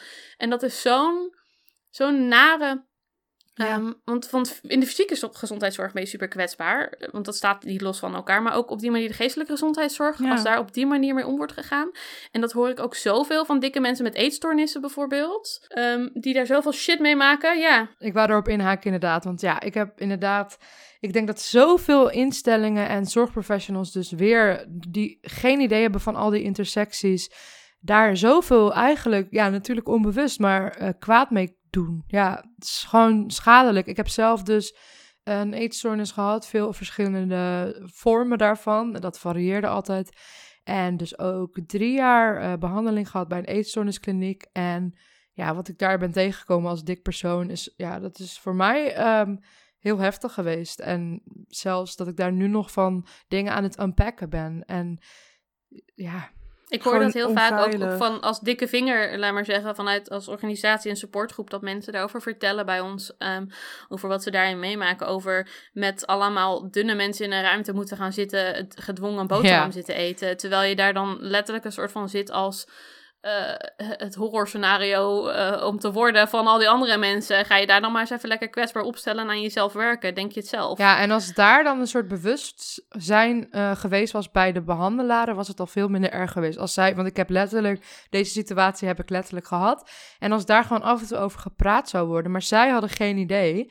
Het was hun main doel is eigenlijk, hoe ga ik Um, nou ja, natuurlijk de, ook de problemen onder deze eetstoornis aanpakken. Maar ook, hoe ga ik deze dunne mensen laten inzien dat ze niet dik zijn? Dat is zeg maar... Ja. En, en die stap... In plaats van, oké, en wat als je dat wel bent, wat dan? Dat, ik wou soms echt... Want toen durfde ik mezelf ook nog niet dik te noemen. Ik had die woorden niet. Maar nu denk ik, ja, maar wat als je dik bent? En dat... Want, maar zij zien dat nog steeds. Er is letterlijk tegen mij gezegd door een voedingsdeskundige daar. Ja, als jij je eetstoornis straks, als je daarvan hersteld bent, dan ga je vanzelf wel afvallen. Alsof dat het ultieme dat doel is. Alsof dat oh. op. Het is natuurlijk een van de meest schadelijke dingen die je ook kan zeggen tegen iemand met een eetstoornis. Want mijn eetstoornis ging helemaal helemaal erop aan. En daarnaast is het nog steeds een doel. En als je dat doel niet bereikt. Ik ben uiteindelijk ook weggegaan omdat ik ja, echt fatphobic shit uh, over me heen kreeg. En die, dat ze meteen weer zeiden: ja, we maken je zorgen om je gezondheid. Die heb ik gehad. Omdat ik dus wat was aangekomen tijdens mijn herstelproces. Wat natuurlijk heel normaal is. Want ik had eindelijk weer gewoon en gezond en lekker. En uh, terwijl bij ieder ander herstel, zo van als je niet dik begint, dan zouden ze zeggen, oh wat goed, wat fijn voor je. Terwijl als je dan soort van dik begint, oeh, maar nu wordt het erger, want dit is wat we vooral niet willen hebben. En er werd, oh. er werd totaal niet gekeken naar hoe ontzettend ik was gegroeid mentaal. Hoe goed ik me in mijn vel zat. Ik moest hun heel vaak ook uh, dingen uitleggen over fat acceptance, over boeken die werden niet gelezen. Het was gewoon zo'n toxic omgeving ja, eigenlijk. Als maar het is ook, het begint, ja, ja, als ik dit hoor, is super onveilig. Maar het, het begint natuurlijk ook al bij dat als je als dik persoon binnenkomt, dan heb je ook, um, dan wordt er ook vaak al gedacht dat je bijvoorbeeld geen anorexia of bulimia kan hebben. Ja. Want dan hoort, dat past dan niet bij dat beeld. En daarop nog het ontzettend schadelijke idee wat er helaas echt hangt binnen ja, deze wereld, kan ik dat zo zeggen? Dat er een soort hiërarchie is van wat het ergste zou zijn. Oh, ja. En dat is natuurlijk echt vreselijk, want ja, elke eetstoornis is even erg, elke eetstoornis verdient evenveel hulp. Maar mensen zien het echt pas. Ik heb bijvoorbeeld de diagnose atypische anorexia gehad en dat is alleen maar atypisch. Om, ik had letterlijk hetzelfde schadelijke gedrag vertoonde ik als iemand met uh, reguliere anorexia. Maar omdat ik geen ondergewicht heb gehad of zelfs dus dik was, werd het atypisch genoemd. En daarmee geef je al zo'n beeld van... Het is niet erg genoeg als je niet dun genoeg bent. En dat is natuurlijk voor iemand met een eetstoornis echt... Je is komt in een soort loop. Zo schadelijk. Ik ben niet ja, dun van ik genoeg. stel me aan, zie je Ik- wel, er is ja. niks aan de hand. Het ligt Ja. gewoon aan mij, ik moet gewoon harder mijn best doen. Ik Laat ben niet dun genoeg. vragen. Ja, Ja, maar dat is door. alleen maar een trigger om eh, meer te proberen af te vallen. letterlijk. Ook gewoon door ook het gebrek aan representatie hoor, van mensen, dikke mensen met een eetstoornis, heb ik gewoon dus twee jaar, wist ik het eigenlijk al, maar dacht ik de hele tijd maar nee, maar dat heb ik niet, dat kan niet, want ik ben dik. En op een gegeven moment is die stap zo groot en dan neem je die stap van ik ga daar hulp voor vragen en dan kom je eigenlijk in een soort, wat ik toen nog, ik had nu toen nog geen idee, ik was nog helemaal niet zo ver met fat acceptance en zo, maar ik moest bijvoorbeeld dingen doen als op de weegschaal. Ehm, omdat ze dan willen dat dat eh, neutraal wordt. Maar eh, op een gegeven moment, eh, in het begin snapte ik dat nog niet zo goed. Maar ik wist op een gegeven moment, het wordt voor mij nooit neutraal. Zolang mijn dunne therapeut bij mij in de kamer staat. Want she has no idea. Als ik En me nu zolang zou... die de therapeut als doel ziet dat jij, als je eenmaal genezen bent, dan Ja. tenminste ook gewoon af zal vallen. Ja. Dat ook, want dat zat ook in ieders werkwijze, soort van, niet, misschien niet heel bewust, maar dat zat er wel in. En er was gewoon veel te weinig ervaring met de, de intersectie dik zijn en een eetstoornis hebben. En ik denk bijvoorbeeld, op een gegeven moment werd dat echt een ding. Van ik moest me constant wegen, terwijl dat voor mij super triggerend was. Ik, ik, ik leefde daar bijna op een hele bizarre manier naartoe van... Nou ja, daar ga ik niet te veel in details, want dat kan triggerend zijn. Maar op een gegeven moment proberen uit te leggen en constant tegen een muur aanlopen. Van ja, maar zo doen we het. Eh, want we moeten weten, dat was het op een gegeven moment, we moeten weten of, jij, eh, of het goed met je gaat. En dus, maar dat kan ja, je het helemaal dus weer alleen maar Luister over dat dan gewicht. naar me. Ja. Ja. nou, oh. dat was in het allerlaatste gesprek dat ik toen ook zei: luister naar me. Ik zeg net letterlijk: ik voel me gezond. Ik voel me fijner dan ooit, niet gezonder, gelukkiger dan ooit. Ehm, luister naar me, want mijn gewicht zegt daar niks over. En het gaat nooit, maar dan ook nooit neutraal worden. Als ik het moet doen met dunne mensen eh, die inderdaad zo'n ja, vetfobic, eh vethaat eh toch Ja. in zich hebben. Ja, en eh, laten we heel eerlijk zijn. Voor mij is een weegschaal ook gewoon echt een traumatisch ding. Ja, ontzettend. Als ik een weegschaal zie, krijg ik direct al een paniekreactie. Ik heb ervaring met traumaverwerking. Ik heb EMDR gehad. En dat is een bepaalde therapie waarbij je een trauma verwerkt. En ehm, je kan nog wel zo hard bepaalde dingen willen verwerken of bepaalde reacties niet meer krijgen. Maar sommige traumareacties zullen gewoon blijven. En dan zijn ze niet meer zo ernstig als ze dat eerst waren. En je kan eh, bijvoorbeeld over de situatie nadenken zonder meteen helemaal in paniek te raken. Maar het zal nooit neutraal voor je worden. Nee. Dat is en, en dat is wat mijn relatie tot een weegschaal. Dus we kunnen ze nog. Ik, ik kan me voorstellen dat het voor jou misschien ook zo is. En dan kunnen ze nog zo hard willen. Ga op die weegschaal staan en maak het neutraal. Maar dat kan je dan nog zo vaak doen als je wil. Het wordt niet neutraal. Ook dat. Ook omdat ze niet inzien dat het een trauma is. En Ja. ja, ja ze gaan daar totaal aan voorbij. En het was zo anders geweest als er een dikke therapeut bijvoorbeeld tegenover me Ja. was geweest. Of dus de dunne therapeut met wel veel eh, kennis over fat acceptance. Of Nou ja, er, kan ook, er kunnen ook zulke ontzettende eh, eh, vethatende dikkies rondlopen. Ja, dat vind ik altijd dan weer Mhm. confronterend. Dat je soms denkt, oh, jij snapt. Oh, je snapt helemaal niet. Laat maar. Ehm, bijna soms nog pijnlijk. kan, ja, je kan ze, de, je kan ze de schuld niet geven, want ik snap Nee. het, want zo is de wereld. Maar dat is wel dan een soort van extra naar. Dus Ja, dat is moeilijk. er moet, het is gewoon zo belangrijk dat er in alle aspecten van ook de geestelijke gezondheidszorg ehm, meer aandacht komt voor eh, verschillende ervaringen. Ja, Tadaa! ja. Ehm, eh, eh, verschillende intersecties. Voor, voor luisteren naar mensen als ze aangeven van... hé, hey, ik vind dit moeilijk en ik denk niet dat dat zomaar gaat veranderen. ja. Eh, van, oh, hoe kunnen we er dan aan werken om het ietsje minder moeilijk te maken... in plaats van, nee, als je hard genoeg je best doet... dan heb je er nooit meer last van. Ehm. Want you don't know. Nee. Ehm, Hmm. Luister naar mijn ervaring daar, Dat. daarmee. Dat. Ja, en dat geldt natuurlijk ook voor de dunne mensen die daar komen. Want ik kan me ook heel goed voorstellen dat er dunne mensen komen die ook nooit een neutrale relatie tot de weegschaal krijgen. Yep. Weet je hoe Ja. kut het me lijkt als je altijd ondergewicht. Ik vind trouwens onder- en overgewicht een heel vervelend woord, ja, maar even. ik ook, ja. ehm, Ja. Als je Snap het, altijd echt ja. extreem mager bent en het gewoon niet lukt om aan te komen. ja. Weet je hoe kut me dat lijkt? Ik, kan, ik, ik heb die ervaring niet, maar het lijkt me gewoon fucking kut. Het, het lijkt me voor iedereen gewoon ehm, fijn als er eens wat meer gekeken wordt naar het individu. In plaats van dit is onze werkwijze en jij moet daarin passen. En als jij er niet in past, dan heb jij gefaald. Maar dat is precies waarom Ja. ik soort van nu zes jaar binnen dezelfde geestelijke gezondheidszorginstelling eh, eh, loop van afdeling naar afdeling. Omdat Ja. het steeds is, ja, maar je hebt of dit of dat. ja. We kunnen niet tegelijkertijd naar verschillende aspecten kijken.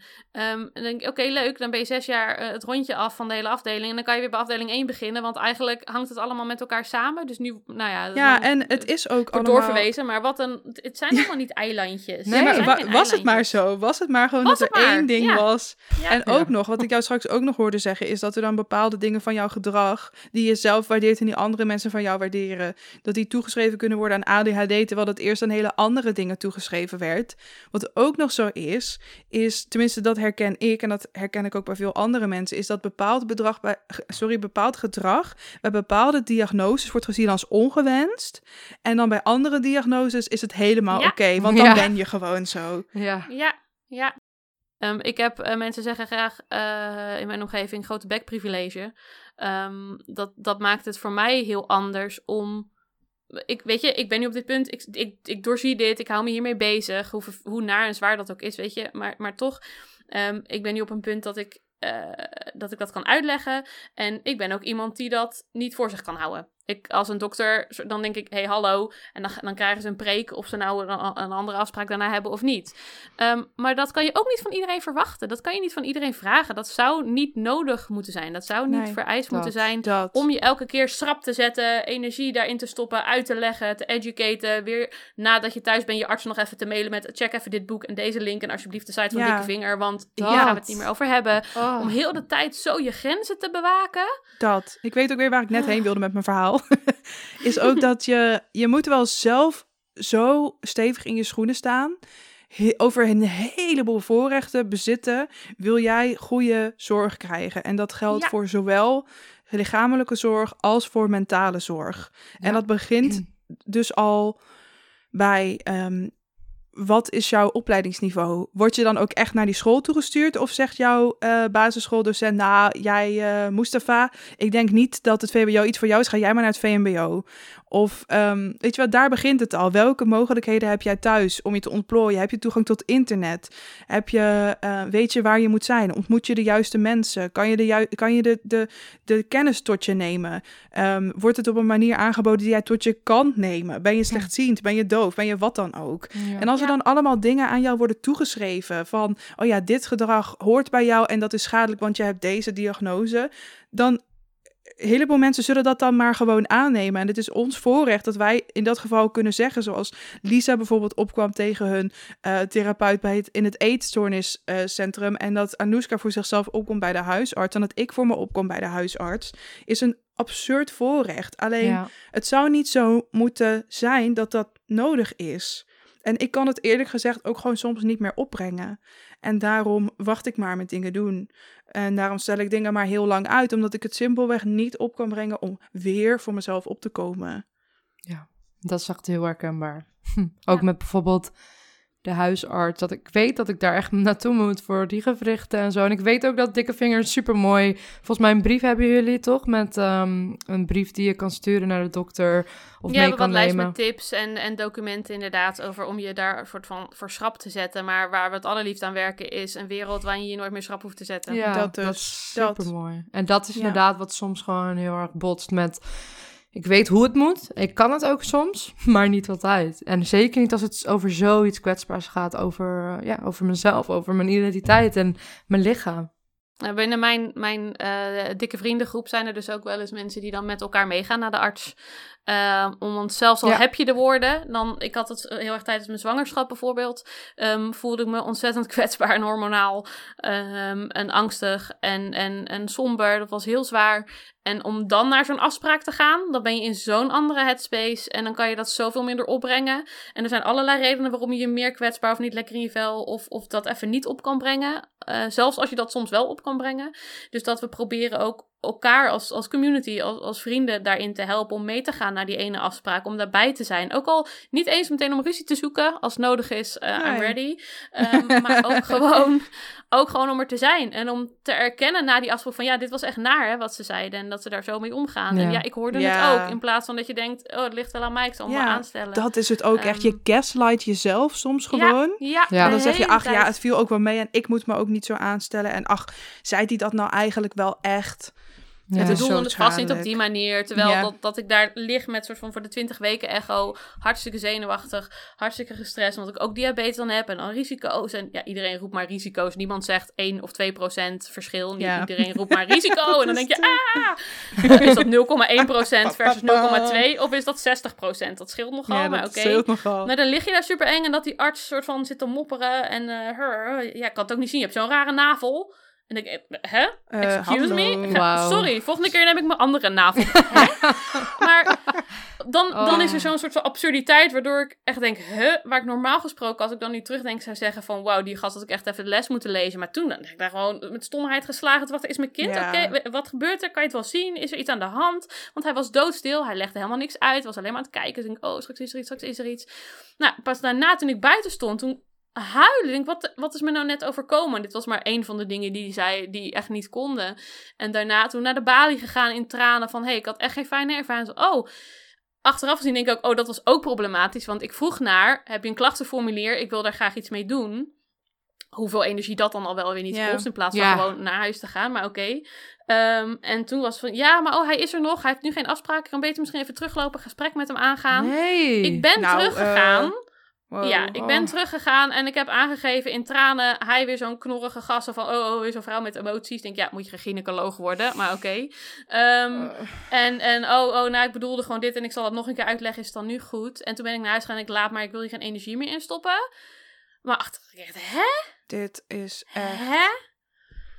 En dat, dat is een soort van, maar weer een van de. Nog los van het feit dat ik, omdat ik dik was, de verkeerde diabetesdiagnose kreeg en het bijna niet heb gered. eh, omdat ik eh, de helft van mijn eigen gewicht afviel en in het ziekenhuis belandde. Ehm, en, en iedereen alleen maar zei: Oh, oh wat zie je er goed uit. Terwijl Ja. ik was, I was Oh, dying. Dat oh, ook dat herken nog. ik. Dat Oh. herken ik. Oh mijn god. Echt op het moment dat ik op mijn allerdunst ever was, was ik zo ongelooflijk diep en diep en diep ongelukkig. Ik, ik zat toen, ik, had, ik, heb, ik heb door een bepaalde relatie PTSS opgelopen. Nou, daar zat ik toen middenin. Iedereen, "Oh, Lisa, wat zie je er goed uit, meid. Ja. Ben je afgevallen? Oh, nou, goed bezig hoor. Terwijl, dat denk ik, nee. Same. Nee, Echt zo ik nog nooit zo ongelukkig. En het is ook gewoon. Ik kan me ook best wel voorstellen dat nu mensen hier naar luisteren en denken: ja, eh, stel je niet zo aan als we het over je navel hebben. Of als mensen zeggen van die ziet er zo goed uit. Maar het is gewoon microagressie op macroagressie, op microagressie, op microagressie, op microagressie. Het is, Het is alles niet de eerste bij keer, elkaar. het is de 400 miljoenste, Nee. 83.000ste keer. Dat. En dat stapelt op en dat kan je niet elke keer naast je neerleggen. En dat zou ook niet hoeven. Ja. Moeten hoeven. En ik blijf erbij. Het is je lijf, weet je. Het is gewoon Ja. zo kwetsbaar, zo dicht Ja. bij je. Een navel Ja. is... jij bent het als persoon. Ja, jij bent Ja. je navel. Ik identificeer me heel erg bij mijn navel. Soms is het een blije smiley, soms is het een verdrietige smiley en zo is het leven. Ja, maar mensen hebben geen idee. Bijvoorbeeld wat er allemaal ook achter... Bijvoorbeeld bij het woord navel heb ik al... Zou ik al tien anekdotes kunnen vertellen... over wat ik met mijn relatie tot mijn navel heb. Want het is... It's your body, it's you. En mensen zeggen zo snel iets over je lijf. Maar soms Ja. denk ik echt... Hou op met over mijn lijf praten. Ja. Alsof het een, Ja. een voorwerp is. Of Alsof het een... publiek goed is of zo. Ja, Echt, it's waarom? not. Waarom? Precies. Kwek, kwek. Echt, als je niks aardigs te zeggen hebt, hou gewoon je mond. Ja, Ja. dat. Ik knip even met mijn vingers. Dat Ja, is een dank soort u daarvoor. Ik zou het ook doen, maar ik kan het niet, dus je hoort gevraagd. Ik heb dat, oké, even een kleine anekdote tussendoor. Ik heb dus een muziekopleiding gedaan, zangopleiding. En dan hadden we ritme. En ehm, ik kan pas sinds een jaar of twee of zo in mijn vingers knippen, maar alleen met mijn rechtervinger. Met links kan ik het niet. Maar we moesten dus tijdens die les, moesten we op de twee en de vier, moesten we knippen, maar ik kon dat niet. ik kon het als enige in de klas niet. Kreeg je een En, fluitje? ehm, Nee, ik, ik, de- je hoorde gewoon zo. Iedere keer. En iedereen zo lekker knippen, knippen, knippen. Ja, nou. Uiteindelijk heb ik het theoretische gedeelte met een 9,7 afgesloten. hey. negen- hoe, niet, 9,9? hoe niet de knipping anyway? Ik was de, ik, de zangeres had de beste theorie van het hele jaar. Dat vond ik wel heel erg leuk. Ja. Maar ehm was overigens wel een jaar twee. Want ik heb het bewust een jaar overgedaan. Omdat ik er ongelooflijk slecht in was. En dat Oh. heeft te maken met mijn dyscalculie. Ook weer een leuke intersectie om over door te praten. Gaan we lekker niet doen. Maar ik wilde dat moment heel even met jullie delen. Want ik voel me erg verbonden aan jou, Want ik heb dus heel lang ook niet kunnen knipsen. En alleen met rechts kan ik het nu een heel klein beetje. Maar, hey, nou we ehm, even flink onze, onze, hoe zal ik het zeggen? ons hebben geuit over onze ervaringen binnen het medisch systeem en in de wereld en in de maatschappij. We hebben het heel veel gehad over hoe we het niet willen zien.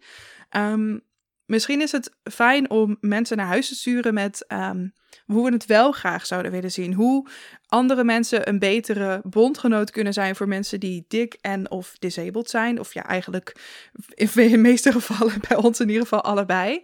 En misschien is het tof als we het eventjes opsplitsen in dat we eerst um, tips geven. Misschien zijn er wel um, hulpverleners of, of, medisch personeel die nu luisteren en die wat aan die tips kunnen hebben. En dat we daarna vertellen over hoe je als um, individu eigenlijk een betere bondgenoot voor ons en alle andere dikke en disabled mensen zou kunnen zijn. Nou hebben jullie vast al duidelijke ideeën over uh, medisch personeel. Wie wil beginnen? Wie wil er uh, tips geven aan... Ja, nou, ik zou ja. zeggen, als, als ja, eigenlijk dit geldt voor iedereen hoor. Maar omdat ik denk dat er echt een mooiere wereld van zou kunnen komen. Wees je bewust van intersecties. Wees je bewust van een individu. Wees je bewust van dat wat je in handboeken leest, je nooit één op één op iemand kan, um, hoe zeg je dat? Kan plakken. Luister naar verhalen en, educate yourself. Ook als uh, hulpverlener. Als jij in een um, in de mentale gezondheidszorg zit, wees je bewust van dus die intersecties en wees je bewust van dat iemand nooit alleen maar één bepaald label heeft, maar zich ook beweegt met het lichaam waar die persoon in zit, uh, dat die daarmee de wereld ingaat en wat dat allemaal betekent. En neem dat mee in behandeling, neem dat mee in, in het besef. Ja, heb, heb, dat, heb die of ontwikkel die gevoeligheid.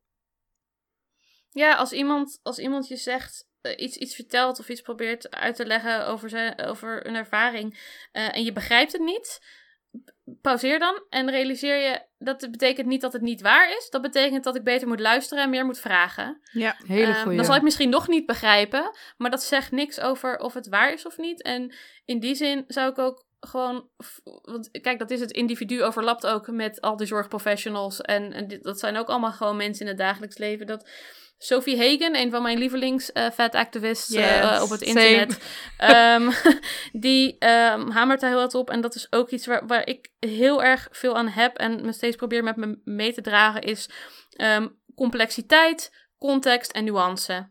Het is altijd ingewikkelder dan je denkt. Mm. Uh, er spelen altijd meer dingen mee, soort van iemands situatie die jij niet voor ogen hebt, want die zit daar maar in bijvoorbeeld een spreekuurkamer met één iemand, maar die hele context van die persoon in allerlei opzichten telt mee en nuance. Het is, yeah. het is, het is grijs. Allerlei ja. 50 tinten ja. grijs.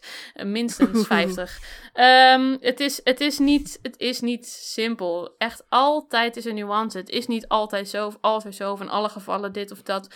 Luister naar die rijkdom. En dat is ook weer een systeemprobleem. Want er is natuurlijk ook weinig tijd en geld in de zorg. Dus dat is niet alleen het probleem, again, van het individu ja. aan die tafel. Maar die Heel hebben goed. daar wel een hele grote rol in. Want je kan die 10 minuten die je misschien hebt voor een consult ingaan met... Oké, okay, let's go. Wat is er aan de hand? Check, check, check. Boom.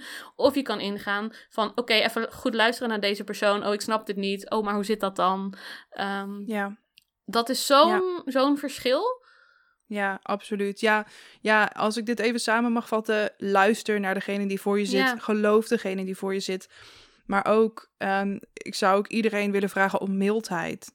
Ja. Wees ja. een beetje mild voor elkaar. Wees mild voor jezelf, maar ook voor elkaar. Want je weet nooit wat erachter zit. Iedereen heeft zo'n groot en complex verhaal, letterlijk ieder persoon op deze aarde. En dezelfde mildheid die je hopelijk jezelf daarin geeft, geef die alsjeblieft ook aan anderen. Dat versterkt elkaar ook weer, denk ik. Door, ja. door milder naar anderen te zijn, word je weer milder voor jezelf. Ja. En door, als je milder naar jezelf kan kijken, kijk je automatisch milder naar anderen. Absoluut, absoluut.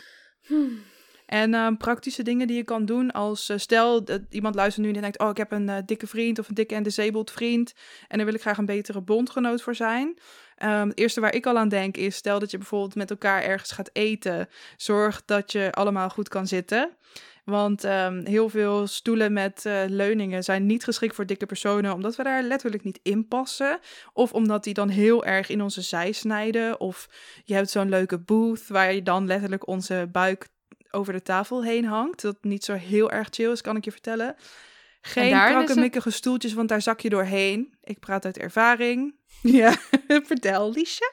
Nou, daarin is het ook heel fijn. Ik heb bijvoorbeeld, een van mijn beste vriendinnen is zelf dun. En ik noem haar altijd echt de best fat ally die ik ken. Want zij is me altijd een soort stapje voor. En dat is gewoon puur omdat ze snapt dat dat er is. Dat ik niet in elke stoel pas. Dus dan gaan we ergens heen.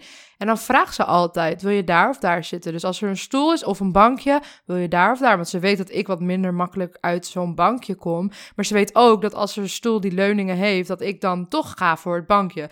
Maar doordat ze gewoon dat weet en zich daar bewust van is en het gewoon zachtjes aan mij vraagt, dus niet door de hele restaurant schreeuwt. Hey. Ja, maar dat is Zo wil eigenlijk ja zitten met je dikke reet. Nee, Ja. gewoon, eh, Zou je met je ja. buik links of rechts? die gevoeligheid daarvoor of zo. Dus gewoon je, je af en toe even afvragen van... Hoe zit de persoon van wie ik heel veel hou? Zit die lekker? Doet, zitten die eh, de, de leuningen in hun eh, lichaam te snijden? En dat is wel heel fijn. Als, als je dat voor kan zijn voor... Dat je, ja, dat je gewoon het even checkt. Even vraagt, wil je daar zitten of daar zitten? Of soms gewoon met mij wisselt ook midden in een gesprek van... Zit je eigenlijk wel lekker? En dan, nee, eigenlijk niet. Kom, we gaan wisselen. Ja, check, je eigen, check je eigen voordelen ook of zo. Ja. Wees Ja. eh, bewust van dat als iets voor jou op een bepaalde manier is, dat dat voor iemand anders helemaal niet zo kan zijn. Dat je niet soort van eh, gaat zitten zuchten eh, over, eh, oh, ik kan nergens een spijkerbroek vinden. Dat je denkt, nou, schat, je kan elke winkel inlopen. je bent misschien gewoon kritisch. En dat, dat is fijn, dat je goed recht om daar gefrustreerd over te zijn. Maar mm, weet even tegen wie je het hebt. Ga niet tegen iemand, ehm, tegen je dikke vrienden zitten klagen over, oh, het kerstdiner, nu ben ik een kilo zwaarder. De- Not Ja, the right oh. crowd, not the right Ja, place, of- not the right time. Of kijk Wees nou wat eh, nu weer op het internet is gezegd over dikke mensen. Moet je Ja, kijken. nou, dat, sturen mensen naar mij Oh, door. Like, ik weet ik dit ook. al. Stuur me die shit niet zomaar. hoe meer ik dat in mijn DM's krijg inderdaad. Van, oh, heb je wel deze fatshaming gezien? Dat ik denk, eh, misschien wel. En dan ben ik er ook al En anders, van. waarom moet ik dit Eh, zien? en anders en zo niet. Misschien was ik wel gewoon even een leuke dag aan het hebben en nu gooi je dit op mijn bord. Eh, ik weet dat Check het bestaat. Je hoeft me niet te overtuigen van vethaat. I know, I'm well aware. Ik richt me check. liever op soort van de it. community en, en, en, en mensen om me heen om die daar soort van doorheen te loodsen in plaats van dat daar, hun daarmee te confronteren. Ja, check ook gewoon bij je dikke vrienden in van... eh, hebben ze hier nu ruimte voor? Willen ze hierover praten? Eh, want bijvoorbeeld, ik weet dat dunne mensen ook eh, onzekerheden kunnen hebben, natuurlijk. En dus mijn super fijne, ik ga er weer even We benoemen. lijden er allemaal onder, ja. Ja, maar zij Ja. is bijvoorbeeld dus die hele fijne, dikke vriend ally. Dikke ally. Nee, huh? ja. Eh, die vraagt dan soms ook gewoon, ja, ik heb nu even onzekerheden over dit of dit. Heb je daar ruimte voor of niet? En ik weet ook dat ik oprecht mag zeggen, nee, dat gaat me niet lukken. Ja. Omdat zij zich bewust is van, dus dat zij, ehm, ja, ze heeft onzekerheden, maar ze heeft ook een lijf wat wel, eh, Ja. ja. wordt geaccepteerd. En ja, Ja. dus dat check ook gewoon bij elkaar in. Dat is wel ehm, iets wat dunne mensen echt goed moeten beseffen, denk ik. Hoe goede, hoe dikke vrienden je ook bent. Ehm, dat dikke mensen eigenlijk altijd een bepaalde mate van onveiligheid ervaren in het bijzijn van dunne mensen. En dat klinkt misschien heel hard. En dan kan je nog zoveel van iemand houden. Maar ehm, die subtiele dingen, ehm, die eigenlijk microagressies tegen dikke personen, die heel veel dunne personen onbewust vertonen, ja, zijn gewoon ongelooflijk pijnlijk. En dan Dat je altijd op je Ehm, hoede bent. ja, altijd op je hoede. En als dat zoiets weer gebeurt, dan de meeste de me- dikke mensen zullen dan voor zichzelf bepalen van oké, het is dus voor mij, deze plek is nu niet veilig. Ja. Ik ben hier niet veilig, want dit en dit wordt eigenlijk over mij gezegd, zonder dat diegene dat zo letterlijk zegt. En dat kan Maar hem dus dat- al ja. zitten. Dat kan hem inderdaad al zitten in zo'n kleine opmerking over ja, een dieetcultuuropmerking. En ja, dat is gewoon. Dat doet zo Oh, ik heb snel. nu al zes koekjes je. op. Nu moet ik echt stoppen, want, want anders wat. Ja, Ja, anders Ja. wat. Kleinste, kleinste Ja. dingetjes. Ja, ja. Ja. En ook daarbij, denk ik, om af te sluiten. Ik zou het zo fijn vinden als mensen gewoon eens luisteren. En dan niet luisteren om maar te kunnen zeggen. Of om een, een hun eh super goed, diepgaande filosofische argument op mij los te kunnen laten. Want dat is wat ik ook heel vaak zie gebeuren. Of ja, merk gebeuren als ik. Merk gebeuren, wat de fuck is dat voor woord? Maar maakt niet uit. Eh, als ik hierover praat op Instagram bijvoorbeeld. Dan zijn er altijd weer dezelfde mensen die dan maar. Maar dit dan. En dan. En heb je hier al eens over nagedacht? Maar Nee, luister alsjeblieft gewoon naar me. Laat het op je inwerken. Ga iemand anders lastigvallen met je fucking filosofische theorieën. Nou als je het zo nodig ga, over ga wil Google hebben. ermee lastigvallen. Of je gaat dagboek, Google maar ermee ja. lastigvallen. Maar ik ben niet jouw persoonlijke dikke encyclopedie. En ehm, ik heb al helemaal geen zin om mijn eigen menselijkheid aan jou te moeten bewijzen. En eh, net als, weet je wel, dan vragen mensen aan mij... Ja, kun je dan body positive zijn en tegelijkertijd af willen vallen? Want dat wil ik eigenlijk wel. Waarom vraag je dit aan mij? Eén, ben ik de poortwachter van body positivity en moet ik jou toestemming geven om body positive af te mogen vallen? Ten tweede, waarom vraag je aan mij toestemming om er letterlijk niet uit te mogen zien als ik? Of niet uit te willen zien als ik? Dat soort dingen. Denk gewoon alsjeblieft na. Luister gewoon. Ga niet meteen met een of ander super slim bedacht tegenargument komen. Want um, let me break it to you. Dit hebben we allemaal echt al honderdduizend keer gehoord. En het is ook. Het is niet zo dat wij over een of andere leuk, hypothetisch uh, gegeven uh, willen discussiëren. Dit is ons leven. Dit Ja. is Gaat over let, onszelf, dit, ja. ja. dat dus. En ik hoop dat mensen En dat de mensen echt van wie wij houden Ja. in onze community of Ja, in de groep. ja, En dat. Ja, ja. En ik hoop dat mensen dat gewoon willen onthouden. En voordat we zo gaan afsluiten, lijkt het me tof als we even wat mensen delen, wat eh, dikke en vaak ook disabled mensen delen. Eh, om te gaan volgen op Instagram. En dat is zowel fijn voor mensen die zelf ook dik en disabled zijn, voor een beetje herkenning. Echt, oh, dat kan helend werken. Dus ga deze mensen sowieso volgen. Naast natuurlijk Anoushka en Lisa, maar daar komen we zo uitgebreid aan toe. Ehm, en voor de mensen die denken, nou, ik herken mezelf totaal niet in die intersecties, ga juist deze mensen volgen en luister naar ze en neem het in je op. Oké, ehm, nou mijn tips daarvoor zijn, ehm, we benoemden het net al even, Sophie Hagen, fantastisch mens. Eh, Crutches and Spice, Your Fat Friend, Dik Gelukkig, ehm, even kijken wie nog meer, Sonja Renee Taylor, Stephanie Jeboa, als ik het goed uitspreek. Ik zet al die eh, Instagram namen zet ik in de show notes. Hebben jullie nog eh, tips? Eh, ja, Jenny Kleinsmit. eh, zij is echt, eh even mijn persoonlijke heldin. Het is leuk, even wat, wat dichter bij huis. Ehm, Marianne Nukier. ehm, zij heeft ook diabetes type 1 en is super outspoken fat activist. Echt dol op haar. Ehm, Simone Mariposa vind ik ook echt een hele fijne account. En Scotty is fat. En natuurlijk dikkevinger.org. Yes. Ja, En Lisa? Ja, ik eh, ook heel dicht bij huis Marion van mijn bed uit. Eh, zij heeft het over haar herstel van haar BED, eh, dus eetstoornis. En dan heb ik nog It's Trans Fat. En dat is een ehm, persoon van kleur, queer, met een disability. En die deelt echt hele goede, interessante dingen ook. En Mary Lambert Singh, eh, dat is een eh, zangeres waar ik sowieso heel erg fan van ben. Maar zij deelt, ze is en dik en ze deelt heel veel over haar mentale gezondheid. Dus daar herken ik zelf ook heel veel van. Yes, heel erg bedankt voor het delen, dankjewel. Lieve luisteraar, dankjewel voor het luisteren. Vond je deze aflevering nou interessant of leerzaam? Maak dan een screenshot, deel die in je stories en tag mij, at BigVeganSister. Dat vind ik superleuk en zo leren ook meer mensen de podcast kennen. Anoushka en Lisa, ik wil jullie echt ongelooflijk belachelijk bedanken voor dit gesprek die we konden voeren. Dit kwetsbare, mooie, helende, therapeutische gesprek. Dankjewel daarvoor. jij bedankt. Ja, maar echt, ik eh, ga weer echt eh, naar huis met zo'n bak vol nieuwe inzichten. Ja. En ik heb heel veel Hier zin om ook. te luisteren. En bedankt dat je me hiervoor vroeg. Oh, cool. Ja, Dankjewel. dankjewel. Hm. Hey, en ehm, waar kunnen de mensen jullie vinden op het mooie grote wereldwijde web? Mij vind je eh at, eh, Anoushka Minnaert. Eh, en Anoushka schrijf je Nederlands fonetisch. eh, A-N-O-E-S-J-K-A. Maar Lisa zal dat vast ergens opschrijven. Zeker, zeker. Staat allemaal in de show notes. Ja, en mij vind je op de ruimtenaar, zowel op Instagram, maar ik heb ook een website waar ik blogs schrijf en dat. En wat is die website? Oh, www.deruimtenaar.com. Yes. En ehm, als mensen nou zeggen, nou, dikke vinger, die supportgroep, dat lijkt me wel wat. Sowieso dus te vinden op Facebook. Hoe kunnen mensen, ehm, nou, jullie eigenlijk vinden? Eh, Facebook inderdaad, eh, Dikke Vinger. Eh, we hebben er gewoon een, een open pagina en we hebben de Dikke Vinger supportgroep. We hebben ook een website www.dikkevinger.org en op Instagram is ook @dikkevingerorg. Ehm, kun je ons altijd een berichtje sturen, vragen stellen. Ehm, je kan ook altijd mij zelf even een vraagje, een vraag sturen als je iets wil weten erover. Ehm, feel free. Ja, en ook een super, super toffe podcast hebben jullie. Als je je wil verdiepen in dingen als fat acceptance, nou ja, alles wat maar te maken heeft met fat activism, ga alsjeblieft luisteren naar Dikke Vinger, de podcast. Zeg ik dat goed? Ja, Dikke Vinger podcast gewoon. Dikke Vinger podcast. Oké, helemaal goed. Nou, lieve mensen, mij kan je volgen via @bigvegansister. Doneren kan via mijn patje.af slash bigvegansister. Je kunt mijn boek Laat je horen kopen. Dat kan via de link in bio van mijn Instagram of via je favoriete boekhandel. Mijn mailen kan via lisa@bigvegansister.com. En wil je nou nog meer Big Vegan Sister, kan je er niet genoeg van krijgen?